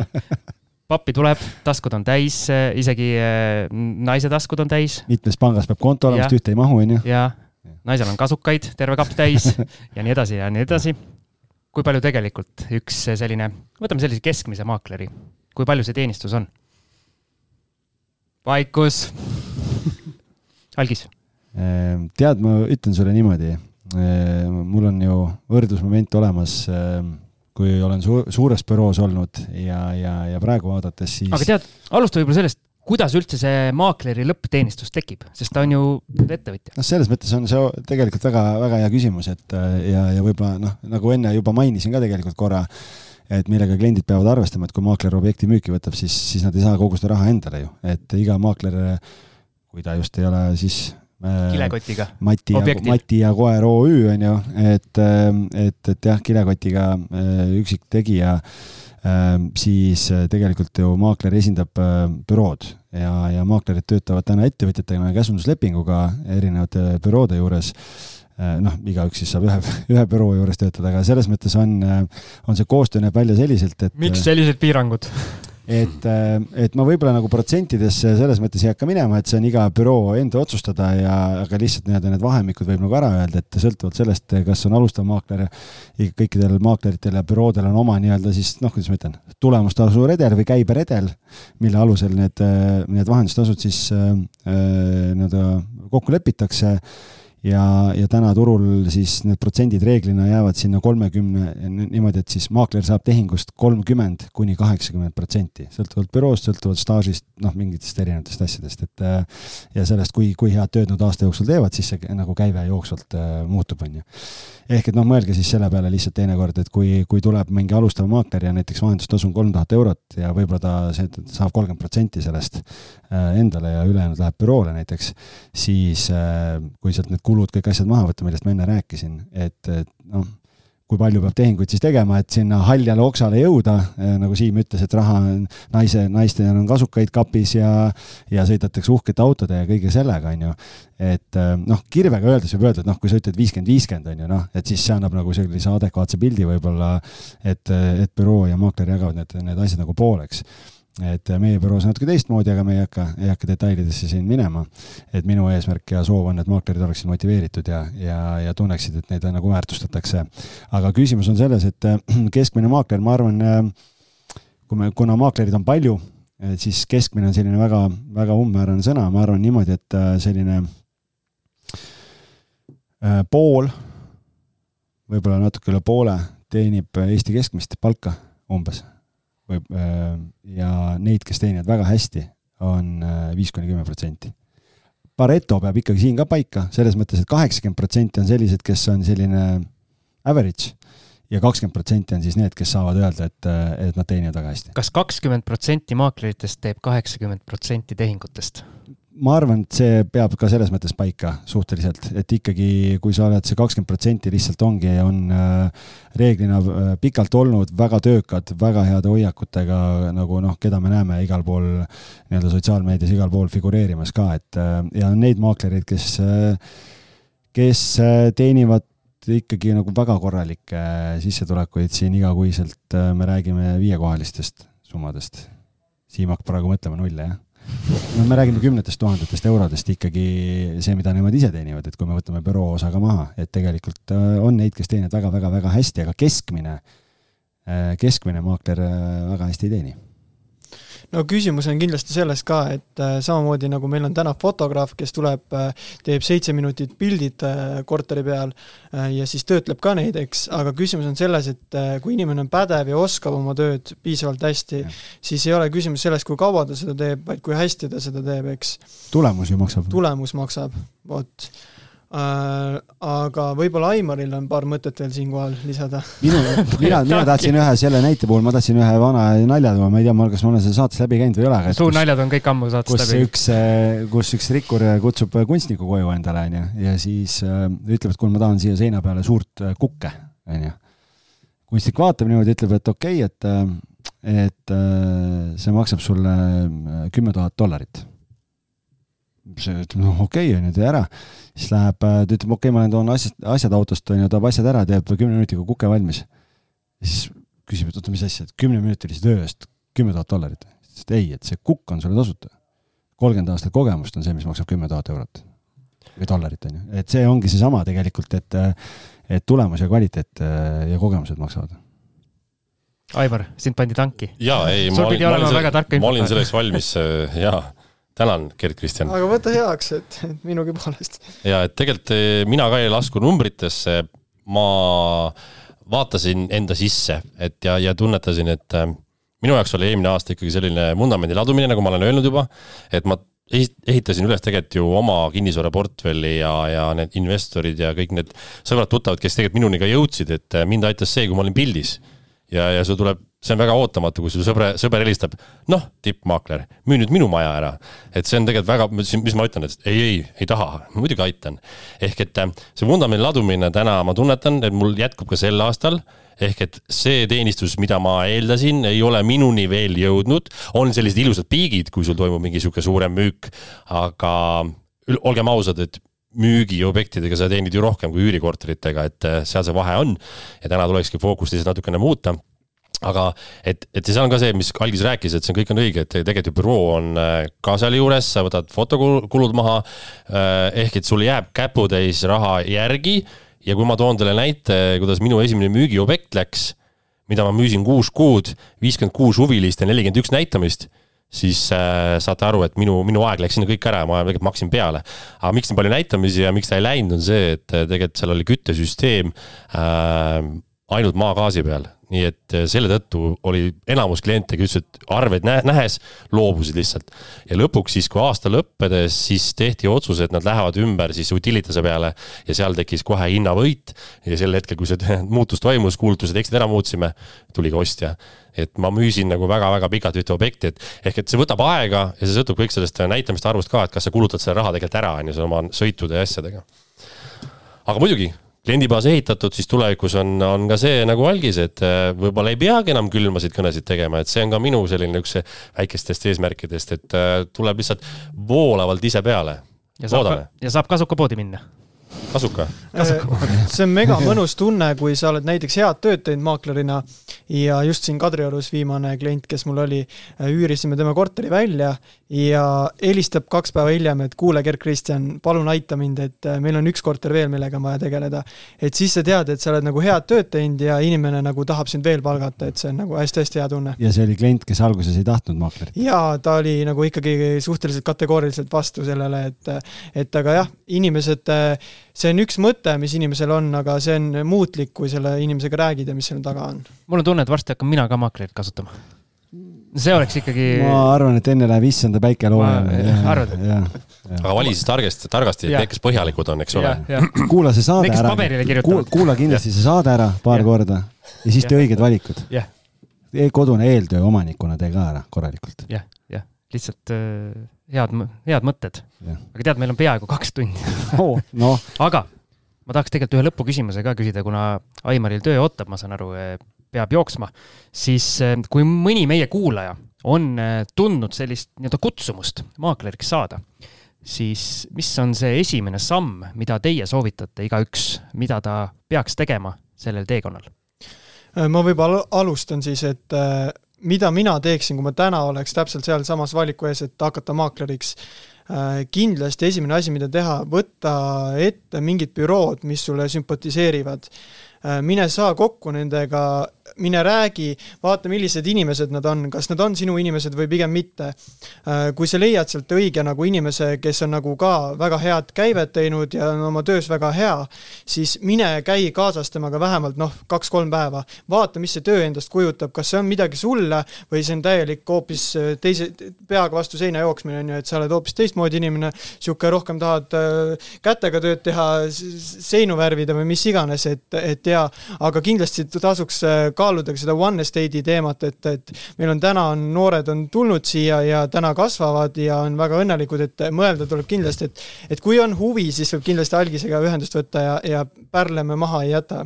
kusjuures kui nüüd algis peaks niimoodi tegema näiteks, et inimene, inimene tahab tulla töövarjuks algisele, siis algis peab nüüd pärast seda Gerd Kristjani väljakutset eh, mikrobussi endale ostma. kõik need inimesed sinna bussi laduma ja siis endaga kaasa vedama terve päeva. A-rühm või? jah, on nii või? neljakümne kohalise bussi ostad algise rühm ja, ja. ja siis ühte kolmekümne ruuduse korterisse ei mahu need nelikümmend inimest ära. ja siis, ta, siis nad käivad nagu vahetustega ah,. vahetustega, okei okay.. aga seal on kindlasti küsimus see ka, et kui sa tõesti soovid ise maakleriks hakata, siis äh, alati peab olema see kahepoolne, et see ei ole nii, et mina võtan inimeselt, sa pead ka midagi andma. et äh, kui ma ütlen, et täna ma tahan algisega täna tulla kaasa ja saada aru, mis asi see maakleritöö on, siis äh, ärge kommikarpi algisele andke ainult. Ei, seda ei tohi. See jumala eest nüüd äh, muidu ei võta äkki, muidu ei võta kaasa äkki. et jaa, et see peab olema kahepoolne. Ja mina nõustun esimese sammuga, mis Gerd Kristjan välja tõi, see on ka minul esimene, et vali meeskond et see tiim, kes sul on äh, kõrval kolleegidena ja teiseks äh, alguses ka kohe kindlasti mentorina, et kui sa õpid ju parimatelt, et täna see võimalus on sul valida, mida sa turul näed, tunneta ise, mis on, kes on see õige, kelle käe all sa tahad ennast äh, välja koolitada. teine asi on, mida mina valesti tegin, oli see, et ma hoidsin väga pikalt tagasi oma tutvusringkonda teavitamast et ma valisin nüüd uue väljakutse. ja kui ma selle ära tegin, siis tegelikult tuli massiliselt nagu jälgijaid sotsiaalmeedias ja tegelikult siis tulid kõned, eks ole. see on päris hea, päris hea point, et miks sa miks sa seda ei teinud, kas sa tundsid nagu mingit valehäbi, et sa nüüd vahetad eh, edukaks, edukaks kujunenud karjääri või? ja seal oli kindlasti peidus see, et ma ju tegin eh, väga suure vahetuse ja ma läksin nagu natuke tegelikult eh, enda jaoks allapoole ametipositsioonil.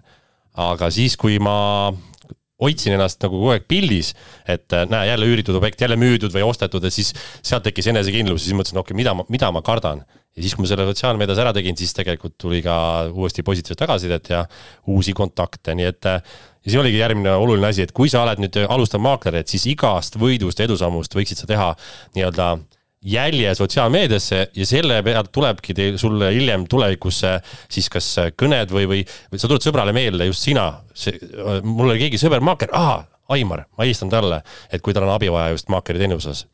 ja, ja neljas viimane punkt, ma ütlen, et sorteeri portaale, analüüsi ja hakka helistama, et see on see, kuidas tuleb kõige kiiremini. algisel pole midagi lisada, ma, ma saan aru. mehed räägivad nii tarka juttu, et äh, tegelikult mina ütlen ka seda, et äh, et äh, nii nagu me oleme klientide suunal inimeste äris, on see ju tegelikult ka samamoodi nagu igas muus organisatsioonis, et sa ikkagi vali, pead valima enda jaoks õiged inimesed, et äh, et mõne jaoks sobib üks inimene, mõne jaoks teine, et, et selles mõttes on jaa, natukene natukene võiks selles osas ka enda jaoks kodutööd teha ja kindlasti uurida ja vaadata ka erinevate büroode, ma ei tea, sotsiaalmeediaid, asju, et sa näed juba sealt ettevõtte kuvandit, kuidas nad asju teevad, mida nad räägivad, kuidas kogu see nagu, see väline pool, et millise brändiga sa ise võib-olla kõige rohkem samastud, on ju, et ja teine pool on see, et kindlasti kui, kui on soov, siis äh, käia vestlustel. Ja ega sa muidu ju teada ei saa, et, et nii nagu, nii nagu meil, et meil ei ole küll nii-öelda alluvate ja ülemuste suhet, et me oleme kõik kolleegid ja, ja lihtsalt on see, et ikkagi sinu otsene juht tegelikult, kellega, kes sind äh, igapäevaselt juhib ja koolitama hakkab, sul peab temaga nagu hea klapp olema, et, et see on nagu kahepoolne koostöö. Et, et selle, selle alusel nagu otsustada, et, et muidugi motivatsioonipakett on ka oluline, mida pakutakse, et et seal on ka vahe sees, aga nii nagu me täna oleme korduvalt siit ka läbi käinud, siis, siis raha ei saa olla ainukene mõõdik, mille järgi otsustada ja ma lisan siia selle, et kes, kellel ei ole ambitsioone heaks maakleriks saada, siis valige korralik kilekott. Miška pildiga kilekott on selline kaheksakümnendad, et võtke midagi uuemat mm.. väga hea. sobib? sobib. ei olnud hea nali. see on, ei, see on väga-väga selline, ei noh, ei, see oli sihuke easy life hack, noh, et ei ole mõtet keeruliseks ajada. super. super. Kuule, aga Siim, aitäh sulle nagu. heade küsimuste eest. ja, ja, ja väga-väga head küsimused olid. olin ma nagu professionaalne saatejuht? ja, said hakkama küll. sain. Mm -hmm. aitäh, Gerd Kristjan, aitäh, Aimar aitäh teile, mehed, et te kutsusite, et äh, suur au oli olla siin ja hea on rääkida tarkade meestega oh.. super, räägi veel, räägi veel. Ja, meil ei ole kiiret lõpetamisega. äkki Aimaril on ka midagi head öelda mina tänan samuti, et äh, algus oli pulss kõrge, aga täna nüüd tunnen juba nagu kala vees, et võib-olla ma ei tea, saatejuhi roll ju kuidagi hakkab tulema või, ei, ei, tegin nalja. Siim, vahetame su välja. miskipärast vaadati minu otsa, ma vaataks algise otsa rohkem ju. kuule, tegelikult, kuule, Aimaril on ju oma investeerimisportfell ka, aga me sinna ei jõudnudki täna. ja me tahtsime tegelikult boonusosa teha, aga see jääb tegemata, kuna aega on vähe, aga kuna Aimar teab, kus me salvestame ja meie teame, kus tema töötab, onju. just, me me teame, kus Aimar töötab, nii et äh, ma arvan, sellest boonusosast sa ei pääse lihtsalt mõni teine kord. teeme nii, sobib. aitäh kõigile, aitäh kuulajatele, olge tublid, tšau. tšau.